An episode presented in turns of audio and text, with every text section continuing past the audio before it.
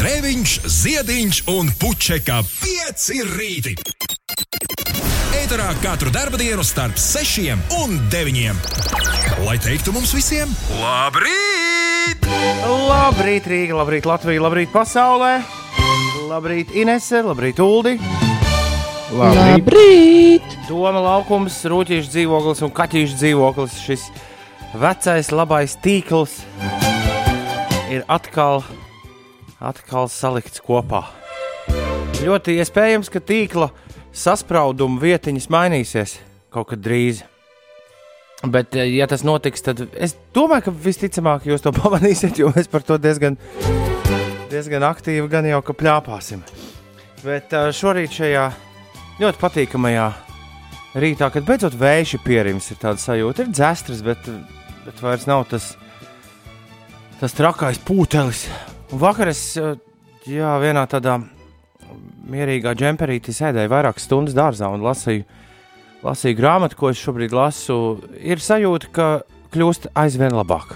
Un ar to es arī visus apsveicu. Nu, vismaz runājot par laikapstākļiem. Uh, kā noprotu, ar to tur paši zināt, ko nekas diži labāk nekļūst.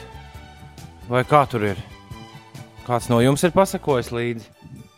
Jo es esmu viens no tiem, kurš ziņām ir pārstājis vērst nu, tādu lielu uzmanību. Nu, varbūt Inês to labāk kā ziņu, ziņu bāka.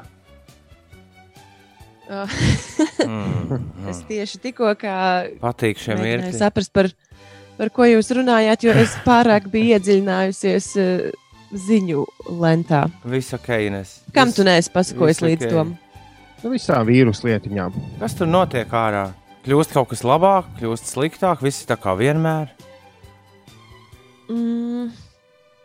Nu, šķiet, ka pie mums kļūst mazliet, mazliet labāk, jo vakardien uh, Vakardien atjaunoja dažus ambulatoros pakalpojumus un diagnostikas eh, pakalpojumus eh, pie mums veselības aprūpas iestādēs. Tā kā tie cilvēki, kas eh, ir norūpējušies par visādām citām savām kaitēm, tie var apmeklēt savus ārstus un, un iet uz savām pārbaudēm. Tas tā pie mums, bet par cipariem ārvalstīs nu, nekas jau nav apstājies. Nu, jā, jā. Viss vēl joprojām iet uz priekšu. It īpaši Amerikas Savienotajās valstīs. Jā, big wheel keeps on turning. Ir, jā, es atcerējos tās sarunas, kuras katram jums noteikti arī bija 17, 18 gadu vecumā, sēžot ar draugiem pie uguns, kur pēkšņi kāds vienos naktī pilnīgi nevietā ierunājis. Hmm, kāda, kā jums šķiet, kas ir dzīves jēga? Un tad aiziet uz kaut kādām 90 minūtēm. Viss kaut ko plāpā. Ja kāds paklausītos pēc desmit gadiem, ko plāpā, pirmkārt nosaukt, otrkārt kārtīgi izsmietos. Bet, uh, nu, jā, vēl... man, es tajā laikā biju izdomājis savu variantu, līdz ar to šīs diskusijas man ātri beidzās, jo es zināju. O, tas ir man... dzīves jēga. Tas ir tas, kurš nu, jā, man... nu, kāda bija dzīves jēga. Vairoties un priecāties. Vairoties un nu, priecāties. Nu, cilvēkam kā sugai. Vienīgais, uz, vienīgā jēga ir sugas turpināšana. Jo mums liekas, ka mums ir kaut kādām augstākām vērtībām, tur jārūpējas vai kultūra vai ko, bet vēsturiski pasaulē, nu, cilvēkam kā sugai, tas ir to cilvēks pats ir izdomājis. Principā taču jebkuras sugas vienīgais uzdevums ir sugas turpināšana. Tā ir jā. Tas ir viens. Bet tas ir kaut kāds ir... kopējais uzdevums. Kāds, kāda ir tavas konkrētās dzīves jēga? Nav, nē, vienam cilvēkam nav jēga. Ir tikai kā sugai, vienkārši lai turpinātos. Skudri pūziņš taču arī vienreiz. Bet kāpēc tu gribi sev labumu kaut kādu? Jā, kā priecā, ne, klausies, klausies otro punktu. Nu, priecāties. Nu, nu. Otrais nu, punkts. Nē, nu kā, skudru pūznī vienai skudrai arī īsti nav jēgas. Tā ir skudru pūžņa sastāvdaļa. Tāpat arī cilvēks. Jautri, nē, nē, tas ir pa pirmo punktu runājot. Un līdz ar to, kā lielos vilcienos tev kā cilvēkam nekādas jēgas nav, tad vienīgais, ko tu vari darīt, ir priecāties. Par ko? nu, par jebko. jebko par jebko, par savu jauno mašīnu, par uh, seriāliem, par motociklu, par uh, skaisto saulrietu. Jo jēgas tam augstākas nav. Vienīgā augstākā jēga ir tur, tur, tur, tur sugu. Jā. Man ir, ar- man ir prieks, ir- Ulu, ka pēc no formulas es esmu ugunskuras. visu apzinīgo mūžu, kopš kāda, kāda 18 gadu vecuma pavadījis, vai nu vairojoties, vai atdarinot vairošanos un priecājoties. Jēgpilni. Jēgpilni. Bet uh, jā, es to visu velku uz mūsu sestdienas, pagājušās sestdienas rītā raidījumu.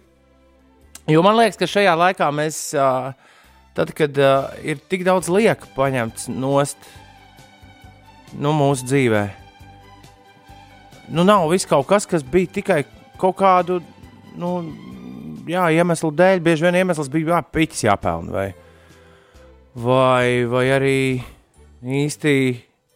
Nu, e, man nav nekā. Es, tā, tagad es to saprotu. Pirms trīs mēnešiem es to nesapratu. Kad, nu, nu, tā ir vienkārši tīra laika nosišana. Katru sestdienu, svētdienu interesēties, kā tie džeki sarkanajās formās ir nospēlējuši ar kaut kādiem citiem džekiem, citas krāsas formās. Vai tur ir ripa vai bumba bijusi? Pilnīgi Tagad vienalga. noniecini profesionālo sportu. Es runāju par savu, savām attiecībām ar sportu tikai un vienīgi. Es nenoniecinu profesionālo sportu. Nē, Ines, ne, nevienā brīdī es runāju par to, ka es kā cilvēks varu ļoti labi bez tā iztikt. Vai ik reizi, kad es sāku par šo runāt, kāds ir dusmīgs, tāpēc es iešu no šī prom. Bet, bet man tiešām liekas, ka šis ir labs mirklis, lai mēs katrs, lai kādā fāzē atrastos. Gan varbūt mēs, pa, kāds no jums joprojām ir. De, nevis joprojām, daudz no jums joprojām ir 19 gadus veci, un jums vēl tās sarunas pie uguns, kur ir priekšā. Daudziem no jums savukārt tās sarunas pie uguns, kur jau ir aiz muguras. Bet eh, šis ir labs laiks, lai no jauna mēģinātu saprast, kas ir tās galvenās lietas, kurām, eh, kurām ir vērts pievērsties. Un, un kamēr mēs to saprotam, tikmēr ļoti daudz dzīves procesu jau nebeidzas. Viņi, viņi turpinās, cilvēki, cilvēki iemīlas, cilvēki, diemžēl, arī šķiras. Un uz planētas nāk pasaulē arī jauni cilvēki. Un tur pandēmija var darīt, ko viņi vien vēlas. Tas ir.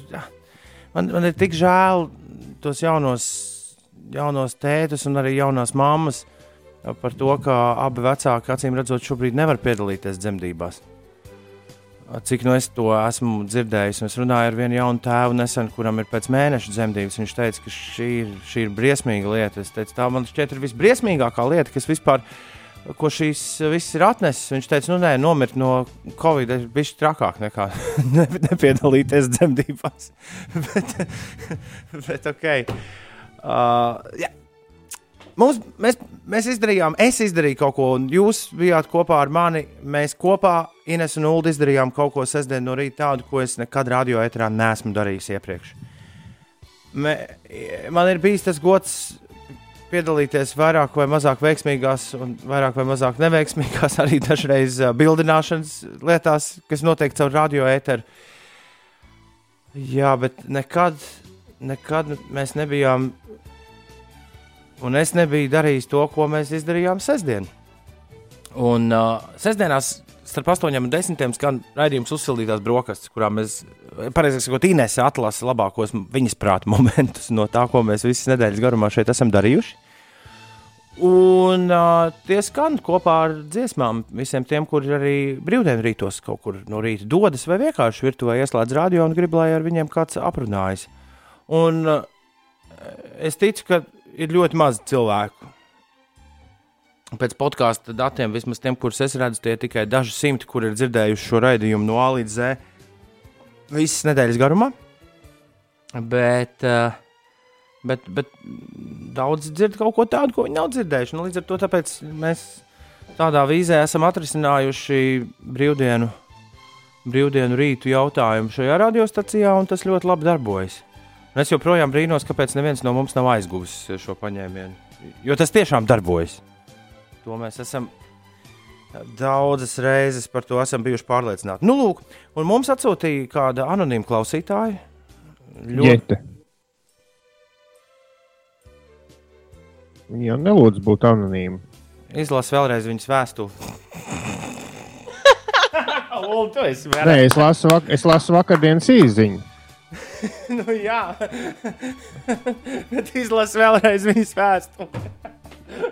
Es tagad nezinu, Šī gadījumā nav tā reize, kad mums ir jāpiespiež tā atmiņas izdzēšanas poga. mums ir, Nē, speci... bet mums ir speciāls jingls.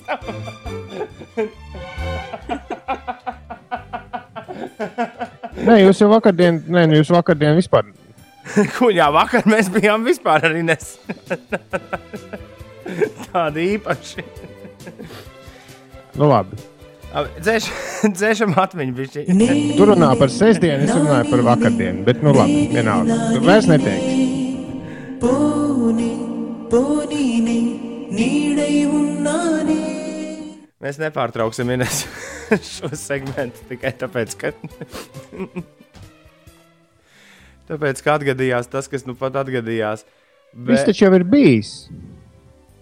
Nu labi. Mm dari kā zini. Nezinu. Vakar mums bija īziņa saņemta uz radio un viss ir jau. Bet labi, es vairs neko neteikšu. Izlasi vēlreiz vēstuli un noklausies, ko mēs runājām sestdien no rīta. Nē, tas nav, tas nav īstais. Pagaidiet, kur man ir. Sestdien. Nu, be- be- beidzam ņemties. Labi, viss es vairs neko neteikšu. Turpini stāstīt. Stāstu.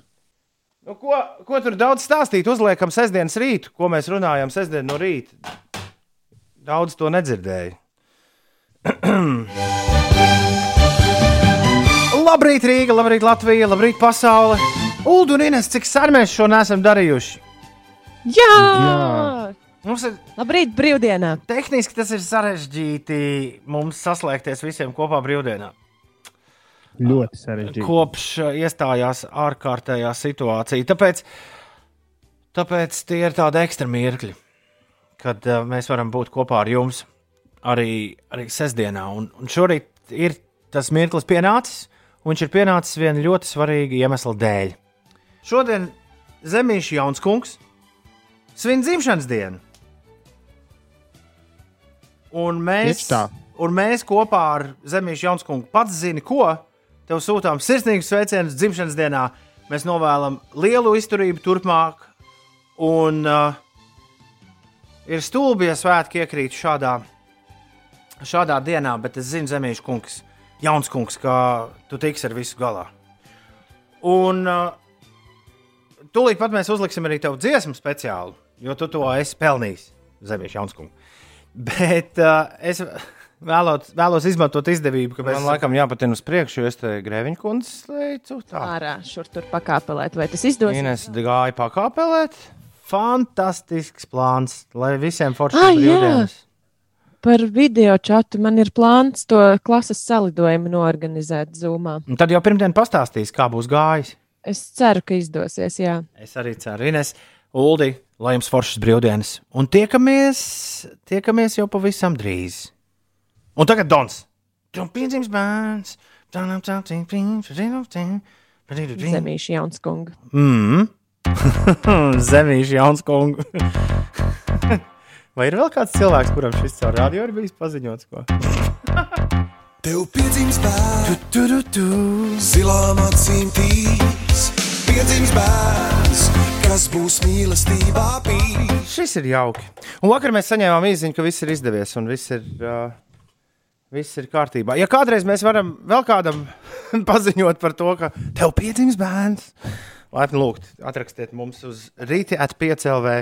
Es gan nezinu, vai kāds grib, lai mēs to paziņojam. Jo man liekas, ka mums tur bija mazliet tā kā noslēpums, tā noslēpumaini jāizpauž, bet mēs, bet mēs izbļaustījām pa visu pasauli.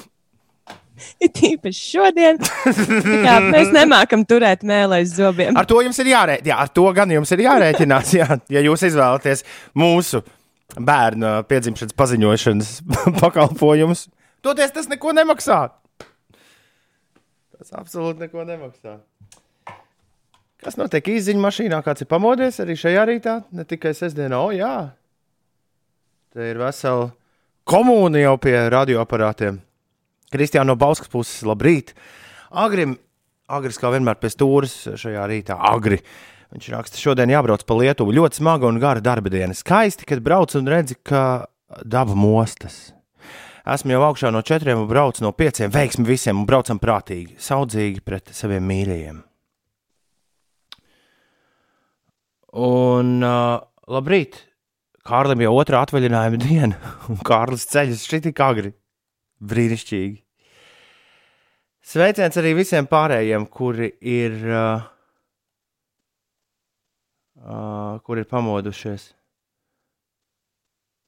Šur tur varot tēti piedalīties dzemdībās, raksta mūsu klausītāja. Arvīda, Arvīdam gan Bračka sestdien, viņam Bračkam sestdien piedzima meitiņu, viņš ir redzējis tikpat daudz, cik vispārējie no bildēm. Jā. Un kas ir ar to naftas cenu zem nulles, ko Edgars Siguldā piemin? Tu, Ulu, vakar izpētīji, ko tas nozīmē? Es tagad drīkstu runāt. Jā, droši. Jā, Pagaidām, nafta nav zem nulles. Naftas uh, futures māja cena ir zem nulles, lai ko tas nozīmētu. Bet es sapratu īsumā, ka vienkārši ir uzkrājumi ir pārāk lieli šobrīd, arī savā ziņā vīrusu dēļ, un uh, nevienam tos nevajag. Tad tur Krievija ir arābu valstīm kaut ko kaujas par cenu, un abas puses apgalvo, ka nenotiek nekāda kaušanās par cenu, bet tās tā gan jau sākās jau pirms visa šī trača. Un, līdz ar to nav nejausmas. Varētu būt bijis lētāk degviela kaut kad, vēl lētāk. Bet Tas tam nav nekāds īsts sakars ar, ar, ar to, kas notiek tur nu, patēriņš ir samazinājies. Laikam mazāk brauc, līdz ar to ASV ir lielas rezerves. Un, un šeit ir runa ļoti precīzi, vakar kāds raksturoja. Ir runa par nēsošu, vēl nēsošas naftas tirzniecību par uh, nē, nēsošu naudu. Izklausās pēc tu... Buratīno un naudas stādīšanu. Nu kā, bet tāpat kā teiksim, cilvēki, tā, bija tur iepriekšējā lielā krīze, visi cilvēki tirgojās nevis ar mājokļiem, bet tirgojās ar iespēju, ka kāds kaut kad atdos kādam kredītu. Tas bija, tā bija vērtība, ko varēja pārdot. Nu, tā ļoti rūpīgi runājot. Tāpat arī tur naftas tirgus tirgo kaut ko nākotnē, kaut ko nu, tādu sakot. Es zinu, ka tie, kas nodarbojas ar biržas lietām, šobrīd ir saķēruši galvu. Mēs tur vienkārši nelienam labāk. Man liekas, ka viņi ir saķēruši galvu arī pirms tu sāk runāt. Viņi visu laiku sēž ar saķertām galvām šobrīd. Nē, nu, it kā es lasīju, ka Briti pat, pat aizliedza pelnīt šajā laikā, jo biržā jau nu, tur visādā veidā var pelnīt. Var pelnīt uz uzņēmumiem, kur vērtība krīt. Prognozējam. Nu, tur. Skaidrs. Vienot sakot, mums par to baigi satraukties nevajag. Nu, tā, ka sēdēt zem nulles. Zem nu, nulles. Nu, tā mana teorija, ka man tagad kāds maksās par to, ka man nav naftas, tā laikam īsti neiet cauri. Man gan gribētos. Tā sanāk, tiem, kam ir nauda, tiem, tiem, kam ir nafta, tiem šobrīd ir mīnusā. Tad tiem, kam nav naftas, tiem vajadzētu iet kaut kam plusā. Es gaidu bankas kontā kaut kādu jūsu, jūsu naftas dividendes. Jā. Radīju šodien iktīgi ar nepareizā kāju no gultas uzkāpes. Radīju. Radīju, labrīt. Tāds nu ir šis laiks. Mums katram ir jāmeklē tas stars, kas mums katram gaismu dedz. Tur ir Jānis Pārk un Jānis Aišpurs 6 un 24. Arnes ir pamodies, Arthurs ir augšā. Toms pamodās un ar to mūs visus apsveic, un, protams, arī sevi. Ar Tūro ziņo, ka Liepājas pusē ir bieza migla, Vineta ir ceļā uz pirmsskolu, savukārt pa, Sanč, pa Sančiks raksta novēlēt raganiņai jauku dienu, savādāk ar kreiso kāju no gultas izkāpusi. Izklausās, Ulu, Nīnes, ka šorīt vairākiem tā kreisā kāja. tā iz... likusies kā labā kāja. Tad jākāp gultā apakaļ un jākāp vēlreiz, man šķiet.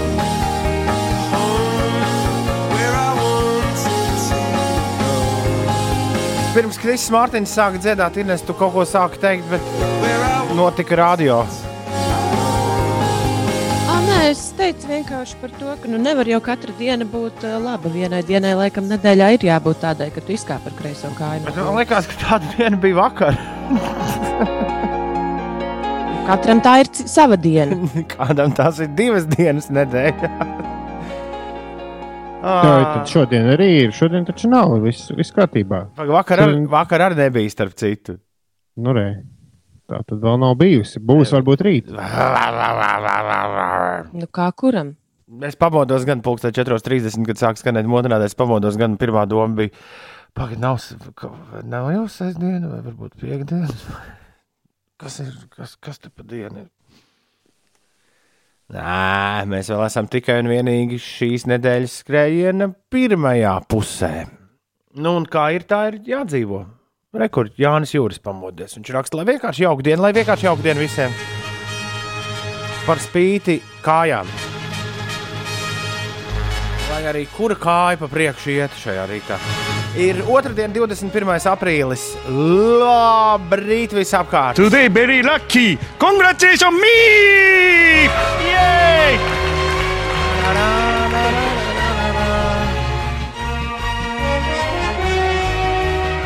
Vakar zvana man mamma. Vai tad tu piekdienā neatnāksi pie manis ciemos? Es saku, nē. Vēl nav īstais laiks.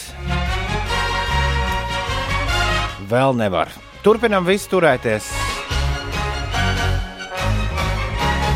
Ir grūti, bet, kā jau Inês teica, lēnām sāk iet uz labo pusi. To, to, to cerams.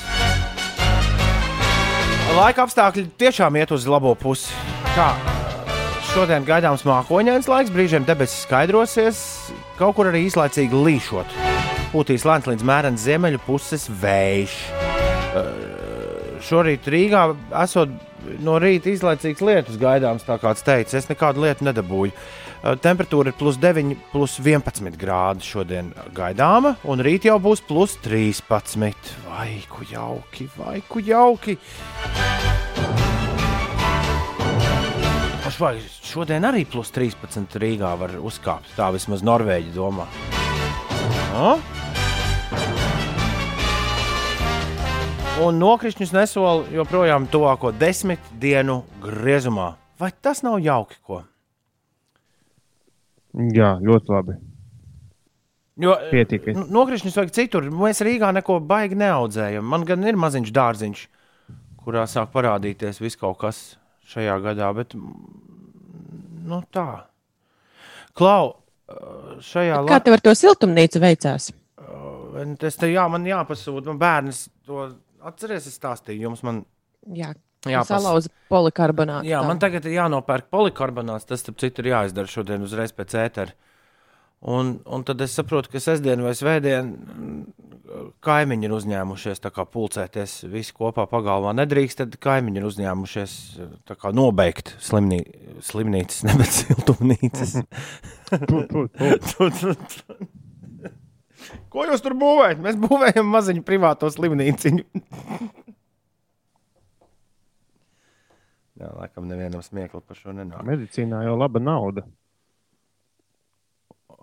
Jā, meteorīds, ja drīkst vēl par laika apstākļiem ātri. Meteorīds atgādina, ka 2013. gadā Vidzemē un Latvijā šajās dienās turpinājās pēdējo gadu lielākie pali. 2014. gadā bija siltums līdz plus 25 grādiem un sāka ziedēt ievas. 2017. gadā savukārt bija sniegs un sals līdz mīnus 8 grādiem. Vienmēr sakot, ja tu 21. aprīlī grasies taisīt kaut kādu brīvdabas pasākumu kādreiz, tad tev galīgi viss nav mājās. jo pateikt, kāds būs laiks, ir absolūti neiespējami. No, mī, no mīnus 8 līdz plus 25. Huh, kas par amplitūdu?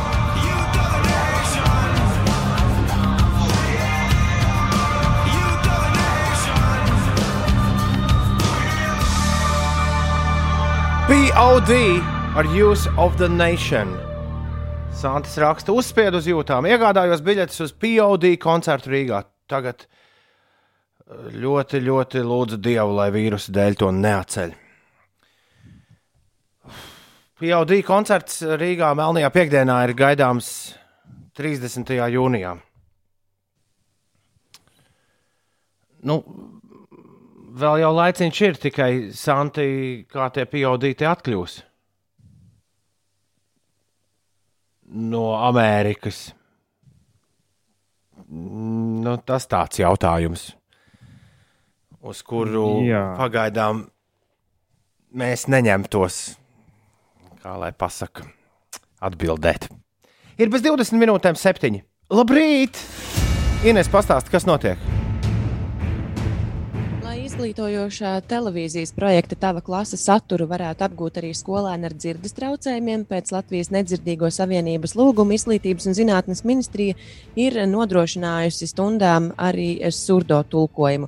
Šobrīd surdo tulkojums pieejams eh, tādām nepieciešamākajām stundām, piemēram, matemātikā, bioloģijā, ķīmijā, dabas zinībās, latviešu valodā un arī vēsturē noteiktās skolānu vecuma grupās. Latvijas lielāko festivālu pozitīvus un summersound organizatori gaida turpmākos valdības lēmumus, bet līdz tam atturīgi izsakās par nākotnes prognozēm. Tā aģentūrai Leta pavēstīja aptaujātie rīkotāji komentējot vairāku koncertu un festivālu organizētāju plānus, pasākumus tomēr rīkot. Vakar preses konferencē veselības ministre Ilza Viņķela gan pieļāva, ka vasaras festivāli visticamāk būs jāatceļ. Saimas izglītības komisijas sēdē pārunās Latvijas zinātnieku iesaisti Covid-19 radīto seku mazināšanā, veidojot kopīgu pētniecības platformu. Par sportu mazliet Latvijas izlases aizsargs Artūrs Kuruts ir pieteikts 2020. gada Nacionālās basketbola asociācijas draftam. Tā ASV raidorganizācijai ESPN teica viņa aģents Artūrs Kalnītis. Jā, Kuruts šosezon bija viens no VF Rīga vienības līderiem. Ir 6,41 minūte. Labrīt, Ulu, tu kaut kur vakar pastaigājies, Ines, tu vakar kaut kur pastaigājies. Es vakar sēdēju tikai jā, saulītē un lasīju grāmatu. Un vakarā skatījos televizoru, bet līdz televizoram mēs vēl tiksim. Jā, Nē, es vakar, vakar es biju- nekur negāju. Jā. Nu, man bija garā darba diena līdz 6 vakarā. Tā kā Bet tagad, vienīgais. tagad tu strādā simtprocentīgi attālināti. Nē, es uh, no rīta esmu attālināta mājās, bet uh, pēcpusdienā un, un, jā, man ir jābūt radio uz vietas. Jā, Ulu, kur tavu ceļu veda? Es aizbraucu, noliku mašīnu pārdogovu pie kāda liela veikala, neejot iekšā, un tad gāju pa plesko dāli, ja kādam tas kaut ko izsaka. Nu, paralēli jūrmālas šosejai aizgāju līdz uh, vienam, tur paskatījos, no, no malas jau bija slēgts, paskatījos uz vienu motociklu veikalu. Secināju, ka tas tur vairs nav tas, es, kas man interesēja. Un ļoti interesanti. Īstenībā ļoti glīts rajons. Tur sākot no nu, no tur, kur krustojas Lielības iela un Ulmaņa gatve, un tad uz priekšu līdz pat garām lidostas viaduktam. Un ļoti smags privātu māju rajons. Un es secināju, ka ejot pa tādu nepazīstamu privātu māju rajonu, ļoti ātri kilometri iet. Jo, jo var noiet kaut kādus trīs vienā virzienā, vispār nejūtot. Tas nozīmē, ka turpat atpakaļ jau sanāk seši, un tā es kaut kāds astoņus nostaigāju un secināju, ka šis karantīnas laiks ir paaugstinājis to soļojamo kilometru daudzumu. Jo nu, jau ir tā, ka tiešām sešus vairs nejūt. Ir īpaši, ja atslēga ir iet pa nepazīstam, nepazīstamām vietām un neskatīties telefonā, ko mazliet vakar grēkoja. Tā kā, un, nu, īstenībā jau iet pa Rīgas visādiem nostūriem, tā kā turistam ir ļoti forši. Jo es tiešām to rajonu, kas ir, es pat nezinu, kas tas ir. Vai tā jau sanāk Zolītūda vai vēl nesanāk, kas tur pēc tam sākas. Bet tas privāti mājā viņš ļoti tāds. robežas. Ko lūdzu? Es saku, grūti noteikt robežas, kur sākas kurš uh, rajons. Nu, tur pēc tam uzreiz sākas Zolītūda. Laikam tas rajons, pa ko es gāju, tas ir Šampēteris. Apūzes iela un jā, Zolītūda. Nu, katrā ziņā to rajonu es esmu tagad iztaigājis. Šodien varētu kaut kur tuvāk kādiem kalnam vai kaut kur. Kurš būs? Ļoti, Cik tuvu ir tas mirklis, kad tu būsi visu Rīgā iztaigājis? nu, nē, katru reizi jau var noiet pa paralēlo ielu. Tā kā tas čalis, kas tas Latvijas puisis, kas Londonā riteni izbrauc, man liekas, ka tur vēl gadiem ir ko iet un iet. Bet tu arī veido kaut kādu tādu karti, kur tu esi jau gājis uz tās ielas, vairs nē, ej paralēli. Vai, vai nē, neko tādu tu nedari. Nē, te- telefonā to tiek saglabājis kā pastaigas. Man visus uz vienas kartes uzlikt būtu diezgan droši jāņem. Bet, bet apskatīties, kur es katru dienu esmu gājis, to es varu. Forši. Jā. Ir uh, seši. Un- Jā, Jā, un Rihards ir dusmīgs par to, ka nu, tāda sajūta, ja Ulas ienāks veikalā, uzreiz norauž slimību. Rihards, bet veikalā nevajag iet bez vajadzības. Un man vakar nebija nekādas vajadzības. Tāpēc es domāju, svarīgi pieminēt, ka es aizbraucu uz lielu veikalu, noliku mašīnu pie liela veikala un negāju iekšā. Un to vajadzētu darīt katram. Nu, man vakar gan bija vajadzība. Man svētdiena no rīta bija beigusies kafija. Tāpēc vakar pēc mūsu rīta raidījuma es uh, uzrakstīju sarakstu ar visām lietām, ko man vajag šai nedēļai. Aizgāju uz veikalu, visu nopirku. Un vairāk šonadēļ es neplānoju uz veikalu staig, nu, iet. es tikai atgādināšu arī visiem, gan tev, Ines, gan visiem pārējiem, ka ir rīktīgi daži internetu veikali. Jā, uzlabojuši piegādes ātrumu, un, ja tu no rīta saliec visu savā groziņā, tad pēcpusdienā tev jau viss ir pie mājas durvīm, tikos, cikos vajag. À, vakardien mani ļoti nokaitināja tās piegādes lietas. Labi, jo labi. Es biju pasūtījusi arī šādas tādas lietas internetu veikalā. Un mani sadusmoja tas, ka man no rīta atnāk īziņa, šodien piegādās jūsu pasūtījumu. Labi, man ir jāiet arī, jābūt arī darbā uz vietas. Tas nozīmē, ka ko man tagad sēdēt visu dienu mājās un gaidīt to savu pasūtījumu. Nu, Kāpēc nevar mazliet precīzāk kaut kādu pulksteni pierakstīt? Bet, nu, labi, es beigās piezvanīju piegādātājiem, mēs sarunājām, ka man ātrāk atved manu preci. Nu, nebūtu tev jāiet nekur šobrīd. Visi sēž mājās, visiem vienalga. Tā, tā, to viens, man liekas, ka Džimijs Falons šo teica, ka, ka viņam beidzot ir viena alga. Cikos viņam atbrauks kurjeras, jebkurā laikā braukt. tā viņš ir, tā viņš ir. Klau, šodien pēc pusdien astoņiem, kā katru rītu, mēs atskaņosim kāda, kāda cilvēka izvēlētu, pazīstama, mums pazīstama cilvēka, un jums, cerams, arī pazīstama cilvēka izvēlētu dziesmu. Tas notiek katru rītu pēc astoņiem. Un uh, Uldis ir izdomājis, ka mēs varam uzspēlēt mazu. Mēs patiesībā mēs kopā izdomājam, ka mēs varam uzspēlēt mazu spēlīti. Šorīt Inês ir sarunājusi uh, gana atpazīstamu cilvēku, kurš to darīs pulksten astoņos no rīta. Mums ir zināma dziesma, ko šis cilvēks ir izvēlējies, bet nav zināms, kas tas ir par cilvēku. Mēs zinām to, ka Inesē bija, mu- mēs esam sadalījuši sev lomas. Inesē bija mūziķi jāizvēlas. Kāds, Jā. kāds mūziķis. Un uh, kāds mūziķis uh, šorīt mums visiem uzliks pēc, uh, pēc pulksten astoņiem melodiju gardo manas. Uh, nu, ne gluži gribēju teikt, sapņu sievietes, bet tā jau nedrīkst teikt. Bet es, es biju reiz aizspēries uz Luksemburgā uz melodiju gardo koncertu. Uh, jā, uz ļoti, ļoti īpašu solistes uh, koncertu. Ļoti īpaši solisti melodija gardo mums šorīt dziedās uh, fantastisku gabalu Morning Sun to sauc.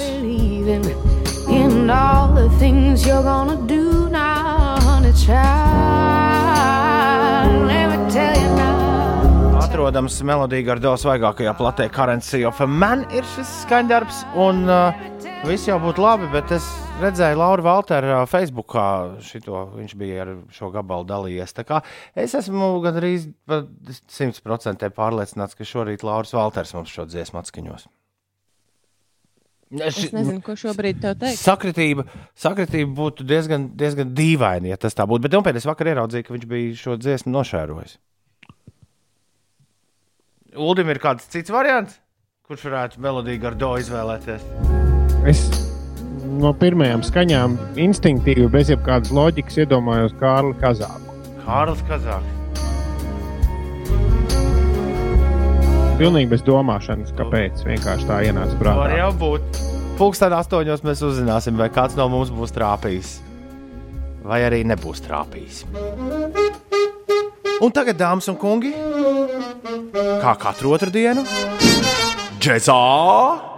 Tikai Meitenes. Tā. Džezā tāds bēdīgs laiks ir šis laiks. Jo džezā mēs nu, tur tie vīriņi daudzi leģendārie ir jau sirmā vecumā, un, un kaut, kā, kaut kā mēs visvairāk saņemam ziņas par to, ka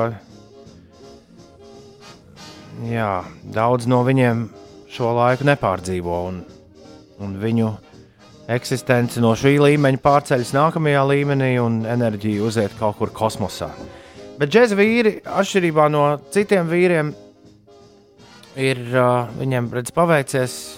Daļa viņu enerģijas paliek vaska ritulīšos, skaņu platēs, paliek vieninieciņos un nulītēs. Un, un vīrs, kuru mēs šodien klausīsimies, arī savā mūžā ir tik daudz mūzikas saspēlējis, ka, ka pie- pietiks vēl kādām pāris paudzēm. Un ticu, ka tās arī viņu klausīsies.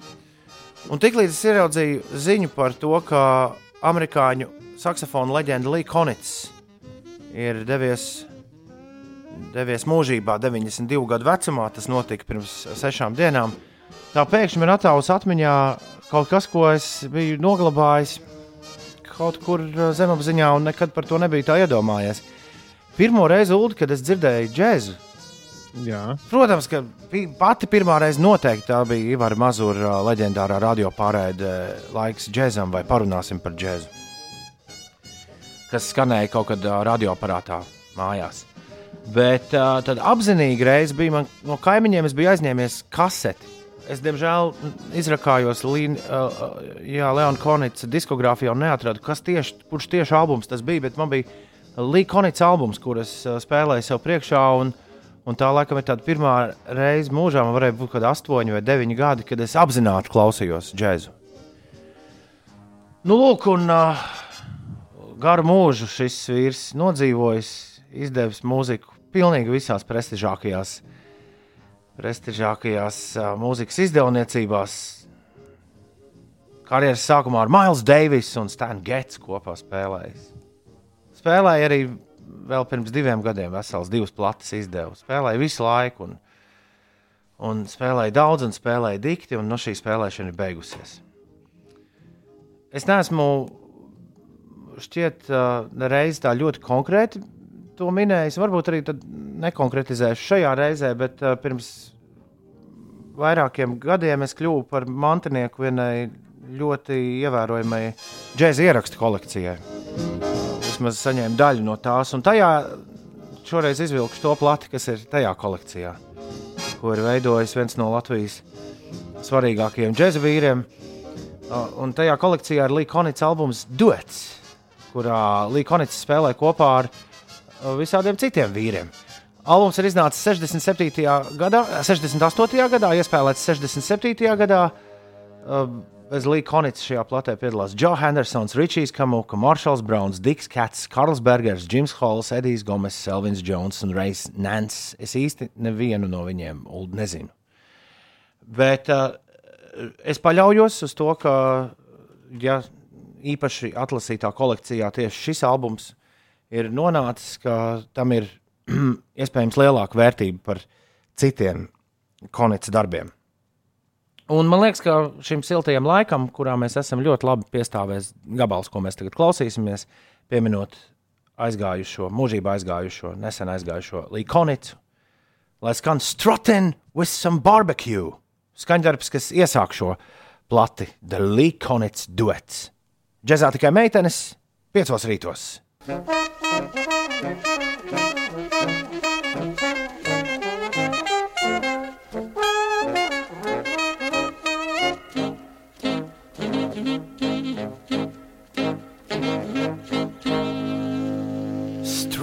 with some barbecue. Līkonits kopā ar uh, Maršalu Braunu, ar trombonistu.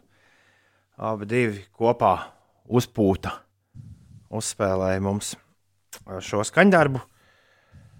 Es pilnīgi iedomājos, Ulu, kā viņi abi nolēma, ka mums nevajag nekādu tur pavadošo ansamblu. Jā tur tas bundzinieks atnāk beigās uzsit ar vienu roku kaut ko. Jā, jā, jā. Man liekas, katra pūtēja sapnis šāds gabals, vai ne? Nu, forši tur var izspēlēties. Jā. Kad tu spēlē gan pavadījumu, gan solo kopā, un tad mainās. Un tad tā, jā, Nē, šis, šo es paklausīšos īstenībā vēlāk. Uzliec visu, uzliec visu to dots plati. Ir ļoti labi. Ļoti labi. Džezmeņa aiziet, mēs paliekam. Tā nu tas ir. Tā nu tas ir iekārtots. Labrīt, piecīši. Šķiet, ka tiešām arī es ar kreiso kāju esmu izkāpusi no gultas, raksta Vineta. galīgi tāds garstāvoklis. Mē!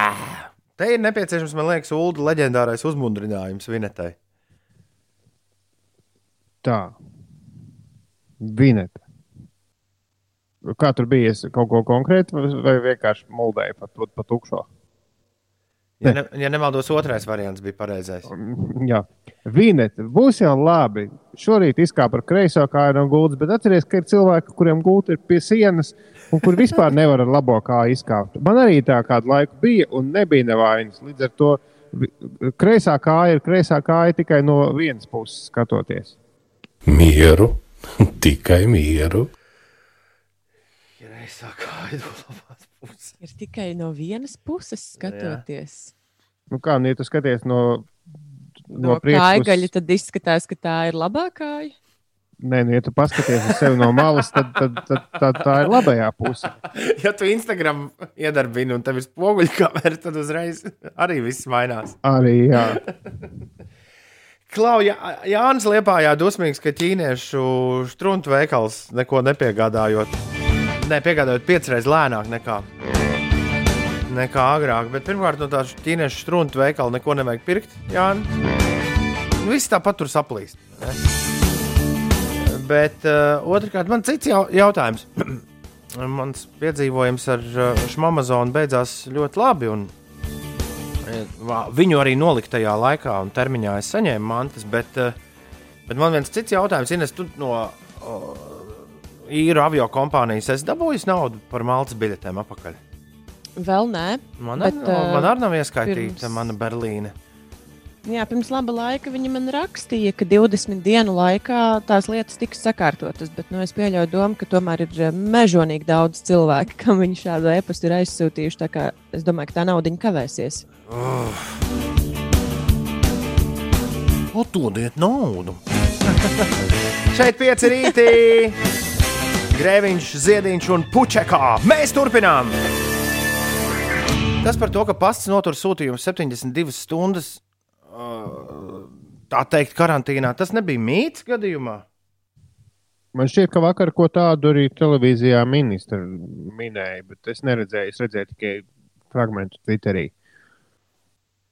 Mēs kaut kad, man šķiet, par šo ierunājāmies, un tad izrādījās, ka tas ir mīts. Bet kurš nu vairs to atceras? Tā, nē, re, kur ir sūtījums pasta nodaļās no 16. mārta uzglabās līdz 72 stundām Ah, ok.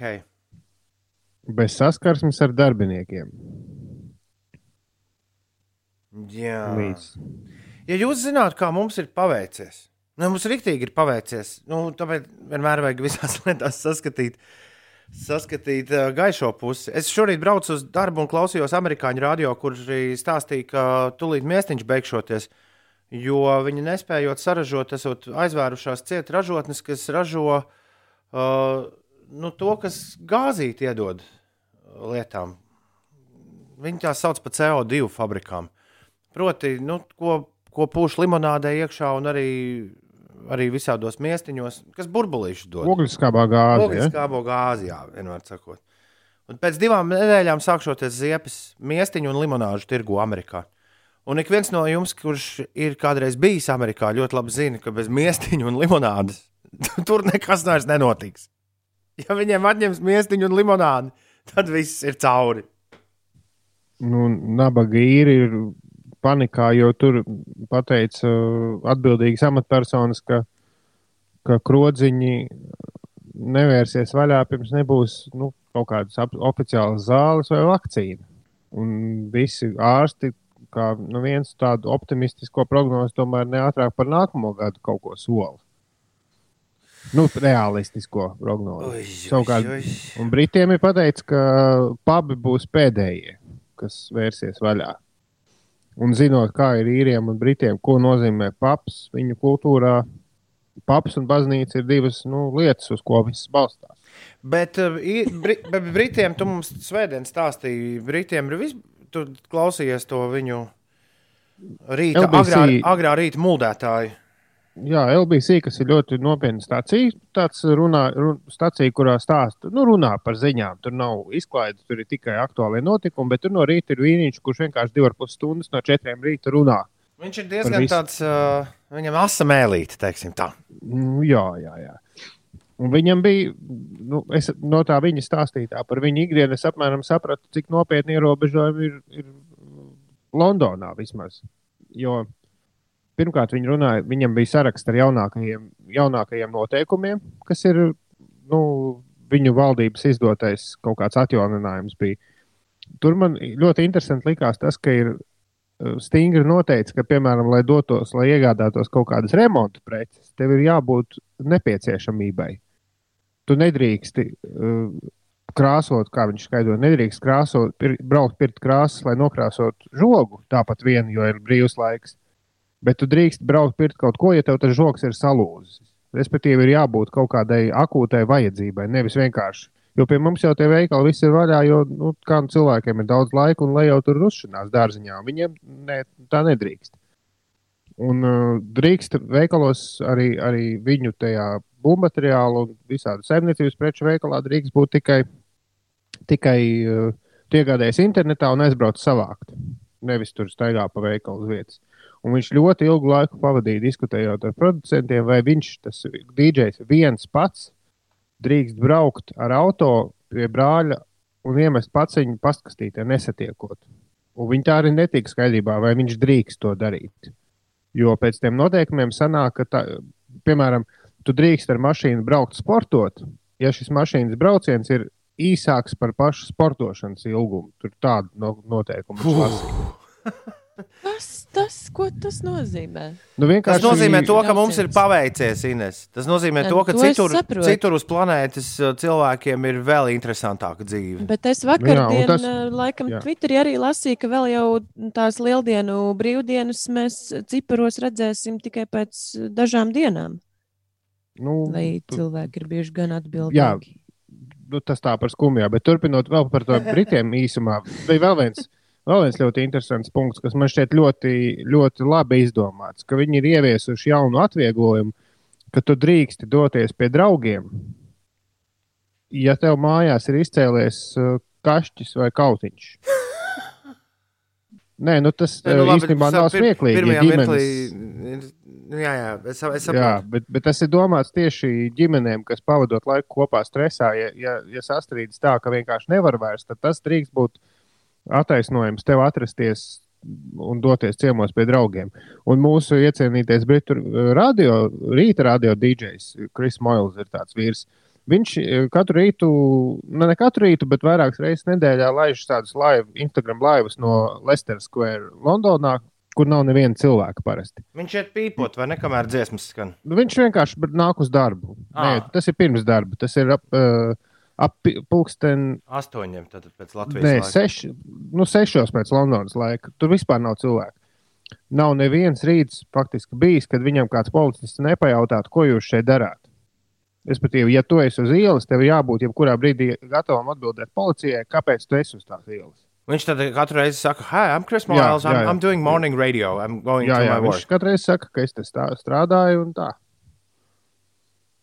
Tā kā tur ir rīktīgi stingri. Nu, viņam gan visstingrāk tie noteikumi attiecas uz cilvēkiem, kas ir riska grupās, kas ir vecāki, bet arī, arī, arī jā, viņam katru dienu kāds policists pajautā, kāpēc jūs esat ārā. Tā kā mēs jau te vēl dzīvojam, uh, Cepuri, principā salī- cepuri kuldam.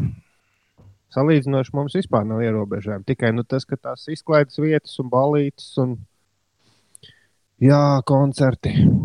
Tā. Nevar māmu normāli ne dzimšanas dienā, ne vārdu dienā apsveikt. Jā. Nu, pagaidām nevajag. Ir 12 minūtes pāri septiņiem. Mieru, tikai mieru. Labrīt! Cēlies augšā! Un pieņem kādu lēmumu. Nemācīšu jums pateikt precīzi, vai būs konkrēti lēmumi, bet par to, eh, kā un uz kurien mēs ejam, tad gan. Un tad jau droši vien viskonkrētākie lēmumi, es domāju, šis ir arī viens no tiem, kurā eh, spriedīs par to, kādas lēmumus pieņemt. Anastasijai un Marģeram šodien ir vārda diena. Čau, Marģer! Sveiciens jums, draugi! Andim Strodam, jaunā Rīgas teātris aktierim, ir dzimšanas diena. Bijušajiem, jā. Ir jaunā Rīgas teātris bijušajam aktierim, ir dzimšanas diena. Tomam Andersonam, vieglatlētam, ir dzimšanas diena. Mūz, mūziķim un komponistam Rihardam Zaļupam vēlam daudz laimes. Tad šodien Anglijas karalienei Elizabetei II ir dzimšanas diena. Karalienei mātei šodien ir dzimšanas diena. Wow! God save the queen! Pagaid, kā tur ir? Viņi, Bet viņa dzimšanas dienu svin citā dienā. Nu, tās lielās svinības parasti ir bijušas, vai ne? Tad, jā, jo ir laikam kronēšanas jubileja. Tā, ko atzīmē vienmēr. Bet uh, īstā ģimene Elizabete ir šodien. Igijam Popam, amerikāņu dziesminiekam, producentam, aktierim, uh, kā vienreiz viņš to pozitīvus uzspridzināja. Viņam ir dzimšanas diena. Tu speciāli man šito ieliki? Jā, Indiešu, in, indiešu kriketa spēlētājam Srini Vasargavanam. Sirini Vasarganam. Sirini Vasargavanam. Venkatara Gavanam ir dzimšanas diena. Šo mēs varēsim izmantot tā. Ines esse one, esse one. Srini Vasargavan. Venkatara Gavan. Endijai Makdonaldai, Makdonaldai, amerikāņu modelei, aktrisei un producentei dzimšanas diena, un Slaidam Hamptonam. Slaids viņš ir afrikāņu, amerikāņu trombonistam un komponistam. jā, Daudz laimes. Jā, un daudz laimes dzimšanas dienā arī Elīnai Kursītei. Es tādu arī pazīstu. Sen gan nav satikt. Daudz laimes. Iepriekšējās divas otrdienas mēs te ar dzējām padarbojāmies. Šorīt arī to darīsim. Ines, tu mums dos. Jā, man gribētos, lai jūs uzdzējojat kaut ko. Vai, vai tu vēlies kaut, kaut, kā, kaut kādu speciālu dzējas, tev ir speciāls temats, vai mēs varam dzējot par ko vien ienāk prātā? Tas mums tagad ir jāsarunā, jo iepriekš jūs man ļāvāt izvēlēties vismaz pāris vārdiņus tematiski. Neka, Ko- nekas nav jārunā, dod vārdus un, un, un sākam dzējot. Labi, tagad, ja? Jā. Es joprojām īsti nesaprotu, kāpēc mēs to darām. Bet, nu, nu, Ā, Tāda lai-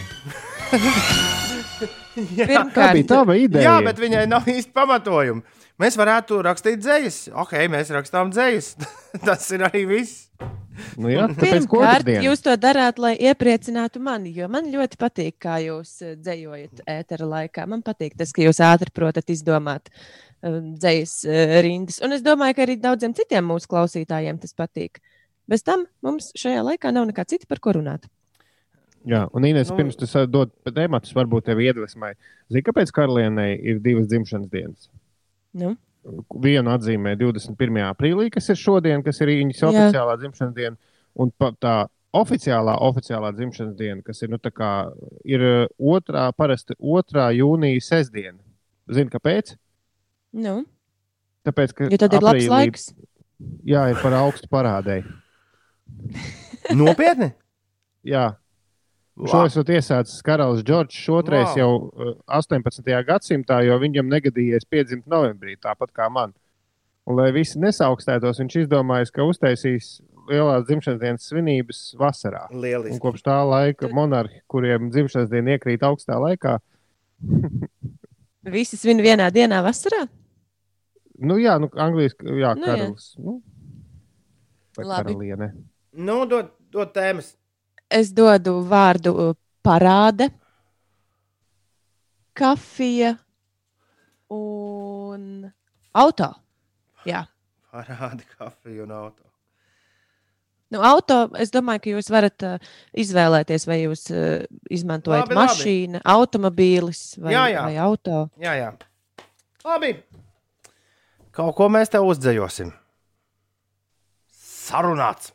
24K Golden City of Angels 7 un 23. Pirms tam bija prāta vētrā, net raksta. Paldies par prātiniekiem. Agrā rītā ejot pa biķernieku mežu, ikrīt pastaigā. Apkārt nav nevienu un var kārtīgi izdziedāties. Man prieks, Anet, ka tu tā, tā darīji. Un uh, kaut kā neticami agri ir uh, Tums pamodies šorīt. Un atrakstījis mums veco labo SMS. Sauli sirdī, sauli sejā, sauli līdzi dzīves ceļā. Pavasaris sirdī, zogas putnu čālas ausīs, zogas sejā, prieks un tu esi laime. Tā mums tumbis raksta. Lai, lai, fien, lai feina diena jums un mums, lai tas Covid izgaist pavasara saules staros. Dūmas rakstā, SMS. Dūmas rakstā. Inesē stāstā kaut ko no ziņu lentes. L- Lūdzu, Ines. Šodien pēc ziemas eh, Aiziet. pārtraukuma ir. Es jau sāku stāstīt. Šodien pēc ziemas pārtraukuma ir plānots atsākt būvdarbus uz Jūrmalas šoseis posmā no gājēju tilta pie Rīgas robežas līdz pieejām Jūrmalas caurlaižu punktam. Tā informē Latvijas valsts ceļi.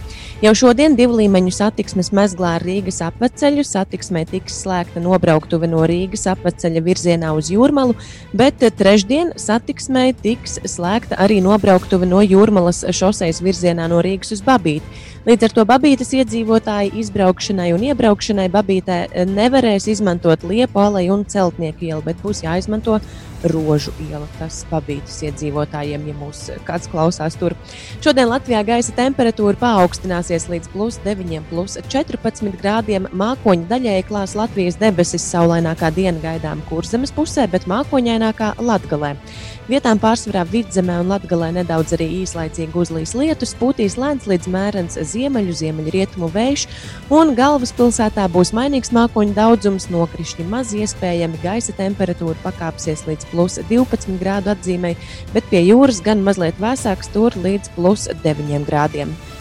Ir 7,25. Kā tev ar dzējošanu, Uldiet? Vēl bišķi vajag kaut ko. Man, es, atkal, Uzcept. es atkal lielās formas darbu, tā es tāpat kā pirms nedēļas. Man trīs pantiņi ir, ceturtais tūlīt būs, varbūt arī piektais, kas zina. Uh, uzcepsies. Uh, vēl laiks ir kaut kādas minūtes, trīs, līdz mēs nodosim šodien dzīslu skolotājai Puķakai savas rindas. Līdz tam kaut kā ili. Kaut kā šis stāsts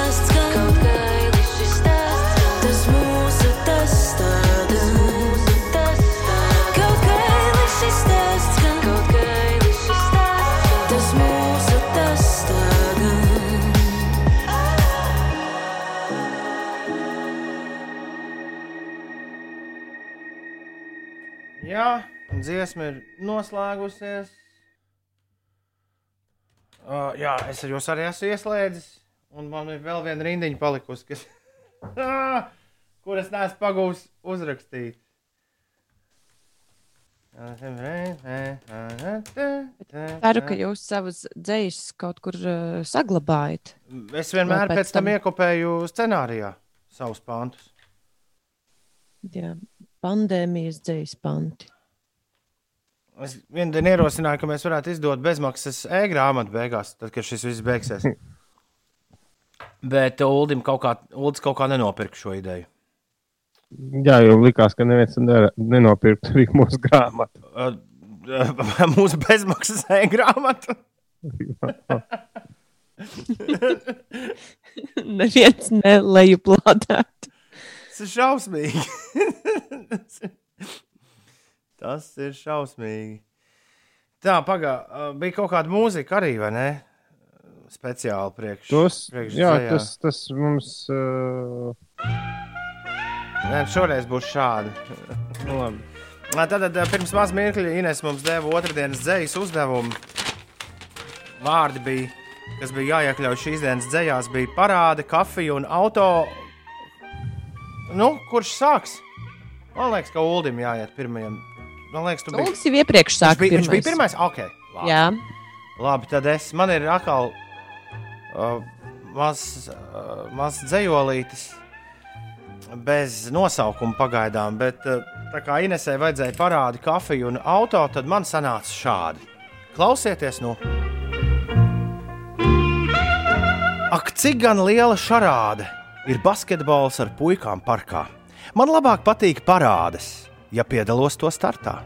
Pie mums jau taisa tās tik tad, kad augsti, kad bruņu vīri un sīkstas sievas pa krastmalu slāja braši un roku pirksti sasaluši kā lielveikalā laši. Bet gribētos man kaut ko tādu kā pie jeņķiem, kur uz lielām mašīnām brauc klauni spoži, un populāri dziedātāji liek pagaist kreņķiem, un mūteņu tēli kā milzu baloni lidoti koši. Nav grūti aizvērt acis un iedomāties, ka tur esmu uz Broadway un 22. ielas stūra. izsalkumu remdēju ar pirktu karstu desu un padzeros gardu kafiju, kas joprojām kūp. Es stāvu kā mazs bērns un smaidu, un nav vairs nekādu naidu. Miers atnācis, un nu ir labi, gan piedzīvosim reizi mēs to abi. Vai cik skaisti. Man ārkārtīgi patika salīdzinājums ar sasalušajiem lašiem.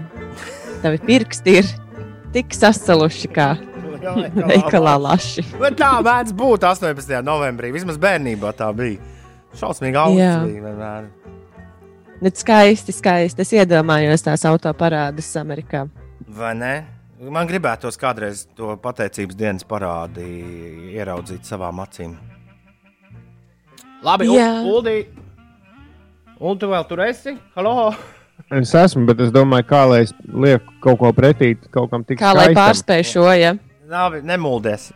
Rauju vaļā. Nu, jā, es, es galvenais zināt, ka uh, dažas atskaņas atnāca pašas, nezinu, no kurienes. Ja?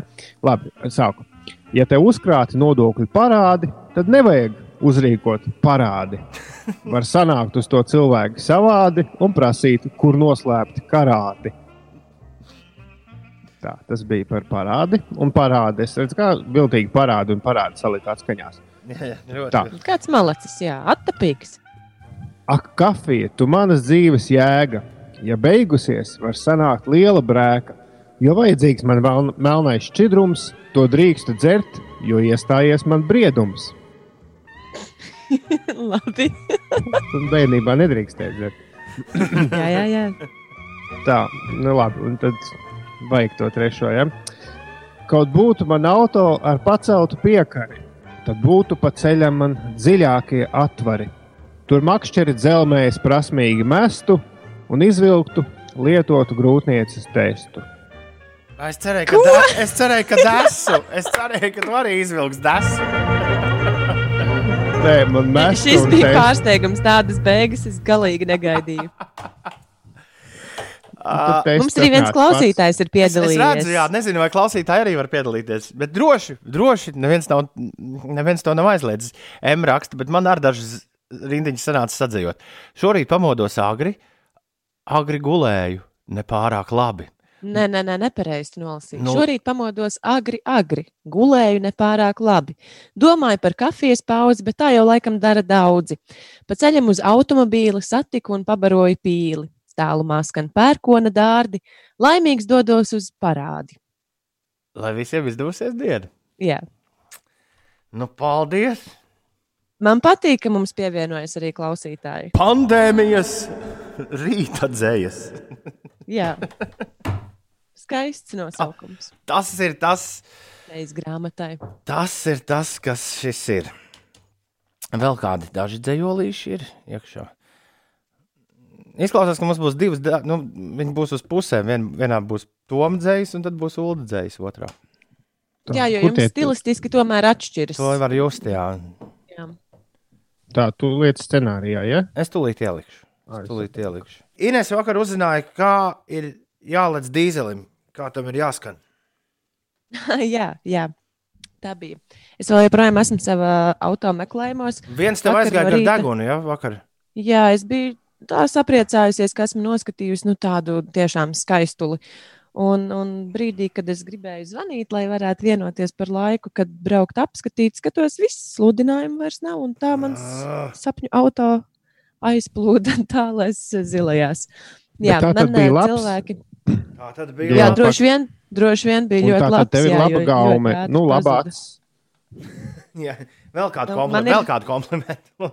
Man ir uh, konsultanti, kas man piepalīdz, kuriem es aizsūtu kaut kādus variantus, un tad man pasaka, jā, tas ir labi vai nē, tas nav labi. Ļoti ērti šobrīd man, man ir. Paprasti Jā. tiem saviem konsultantiem, vai nav kāds mocis arī tāds uh, lietots, bet labi, jēdzīgs. E, Vairāk no viņiem uh, mūs klausās šobrīd. Var būt, ka kāds tev var, kāds tev var Nu, Labi, atbildēt. bet kā, kā ir jālec dīzelim?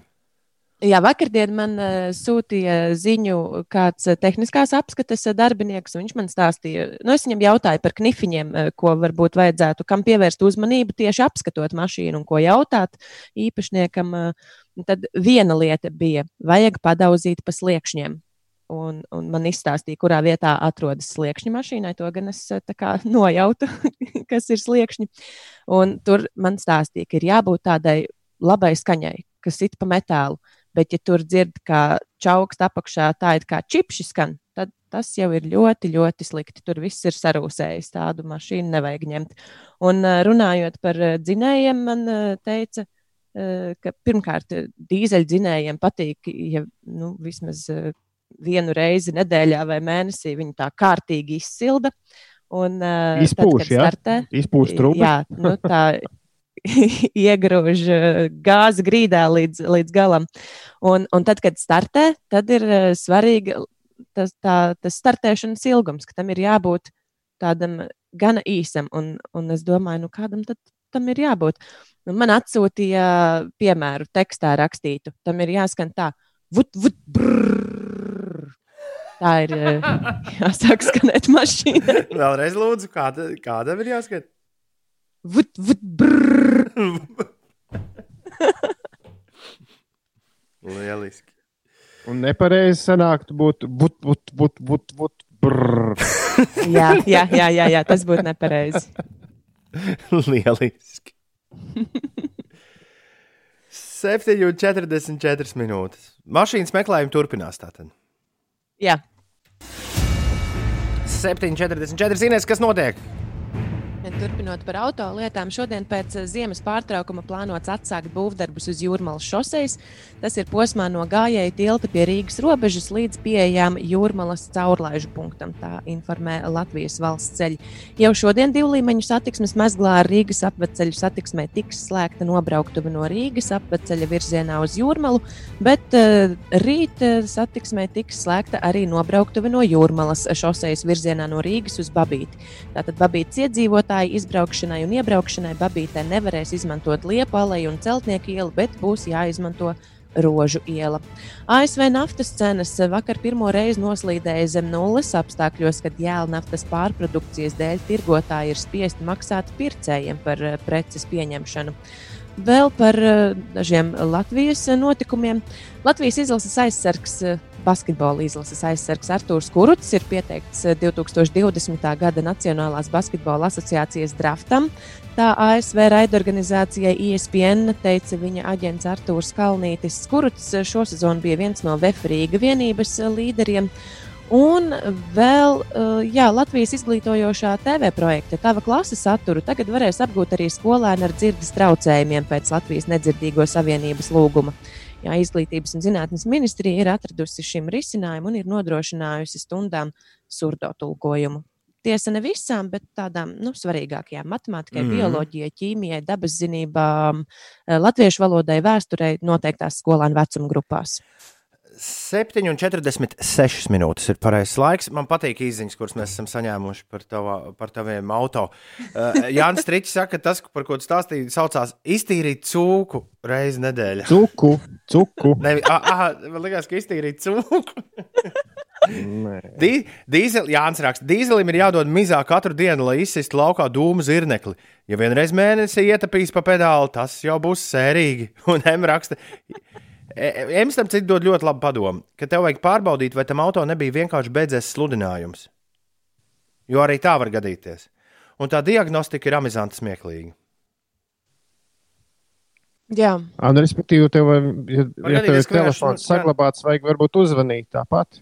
Jā, un paprasīt, vai, vai tiešām ir paņēmis kāds. Jā, tur jau tā lieta, ka telefonu es nesaglabāju. Kā tu mums sūtīji? Kā nē, tu mums taču sūtīji screenshotus. Jā, bet tagad tā linkā ir uh, pilnīgi cita automašīna. Pāga, Bet pāga, bija taču pāga. screenshoti no, no, no Tie linka. nebija screenshot. Vai tad ne? Ne.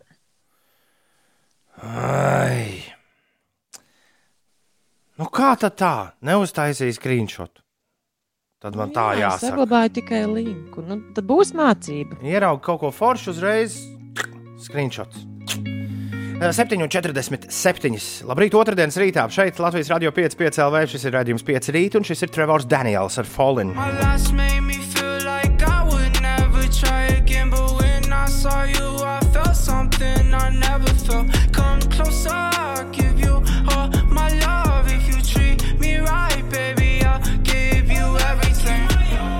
Trevors Daniels, Fallen. Ines, tev dīzeļu nevajag blatīt, saka. Ja tu nebrauc gadā virs 20,000 km. Jā, Benzīns! jā, jā, man jau, man jau te cilvēki ir atsūtījuši un stāstījuši, ko man tieši no dzinējiem vajag vai nevajag. Bet tas bija vienkārši ieskats tajā, ja nu gadījumā es gribu dīzeli, tad tam ir jālec tā, Okay. kā es jums Vut, nodemonstrēju. vut. Kā bija? Vut, vut. Klau! Man šķiet, ka šī ir viena no retajām reizēm, kad uh, rubrikai Pieci rīti skatās TV. Mēs visi trīs esam ļoti rūpīgi gatavojušies.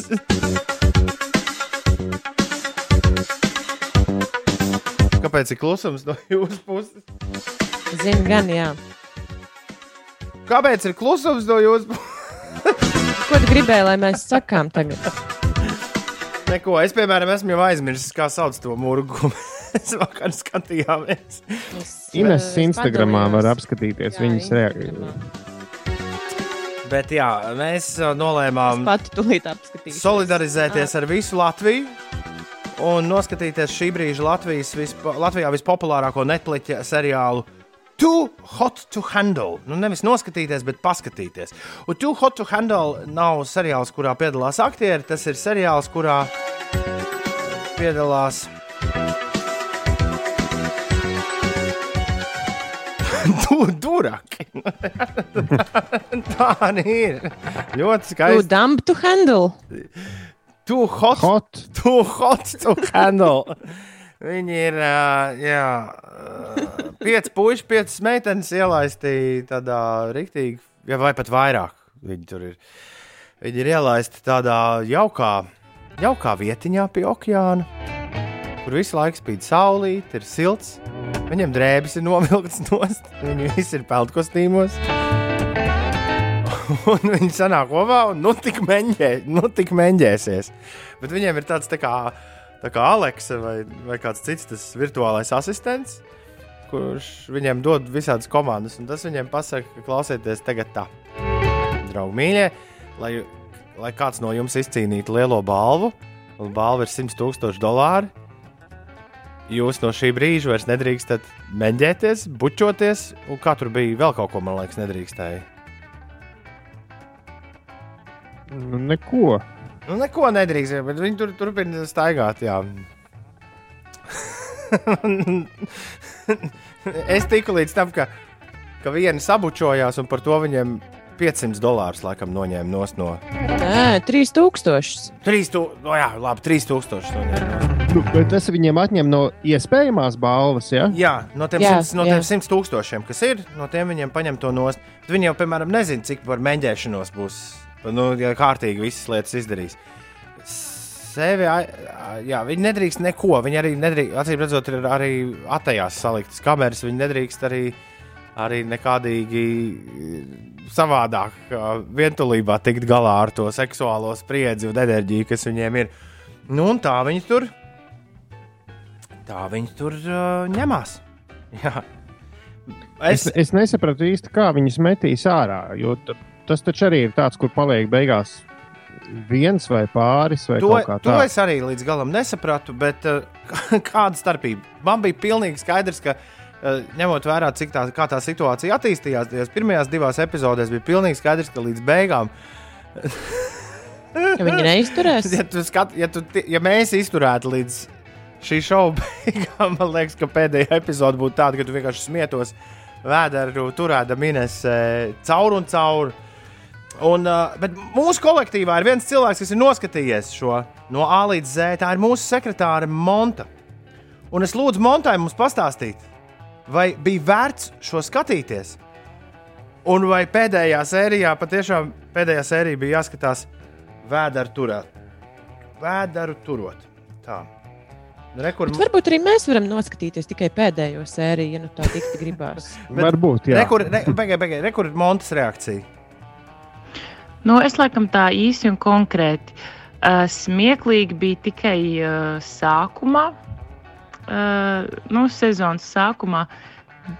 Pēdējā sērijā vispār nebija smieklīgi. Uh, tas noteikti nebija tā vērts skatīties to līdz beigām. Uh, bet es tomēr noskatījos, iespējams, lai paspodrinātu savu IQ. Uh, bet uh, nu, vispār nebija tā vērts. Es uh, vairāk man droši vien gribējās raudāt, kā smieties par viņiem visiem. Bet uh, nu, bija jau jautri, protams, cilvēciņi. Bet, uh, jā, noskatīties jau var. Es nezinu, no vienas puses liekas smieklīgi, it kā, ka ir cilvēks, kurš nezina, kur atrodas Austrālija, bet no otras puses tas diezgan ļoti arī skumdina. Nu, no tiem dalībniekiem, kas tur, kas tur ir savākti. Oh. Es arī vakardien, es arī vakar mūsu chatiņā rakstīju, vai viņi izliekās, ka ir tik uh, stulbi, vai viņi Nē, patiešām viņi- tādi ir. Šādiem šoviem viņus speciāli meklē. Bet, bet nu, tas ir tas, ko šobrīd skatās cilvēki, kurš sēž, pa, sēž mājās. šis, šis ir tas, ko jūs visi skatāties visvairāk Netflixī. Un mēs vakar Jā. šim algoritmam visi trīs pievienojāmies. Vai tev, Ulu, ir kas vēl piebilstams, vai mēs varam šo šovu pamest līdz otrajai sezonai? nu, es, es, es par pirms skatīšanās vairākus virsrakstus redzēju, meklējot interesantās ziņas, ka tas ir tas, ko šobrīd cilvēkiem vajag. Un var jau būt, ka tev vajag to pludmali un paudkostīmus. Ne, jo patiesībā to... viņi ir ielikti tādā pašā situācijā, kā mēs esam ielikti šobrīd, savā, savā ziņā. Jo tādi uh, rīktīgi donžuāni un, un, un tādas dievgosniņas, ja, ir salaisti kopā, un pēkšņi viņi nevar darīt to, ko viņi visvairāk grib darīt. Man liekas, ka tā ir filozofiski tas iet kopā ar, ar šo laiku. Jo mēs arī nevaram darīt daudzas lietas, kuras mēs gribam tagad darīt. Man liekas, ka tu mēģini atrast pārāk dziļu jēgu tur, kur tā galīgi nav.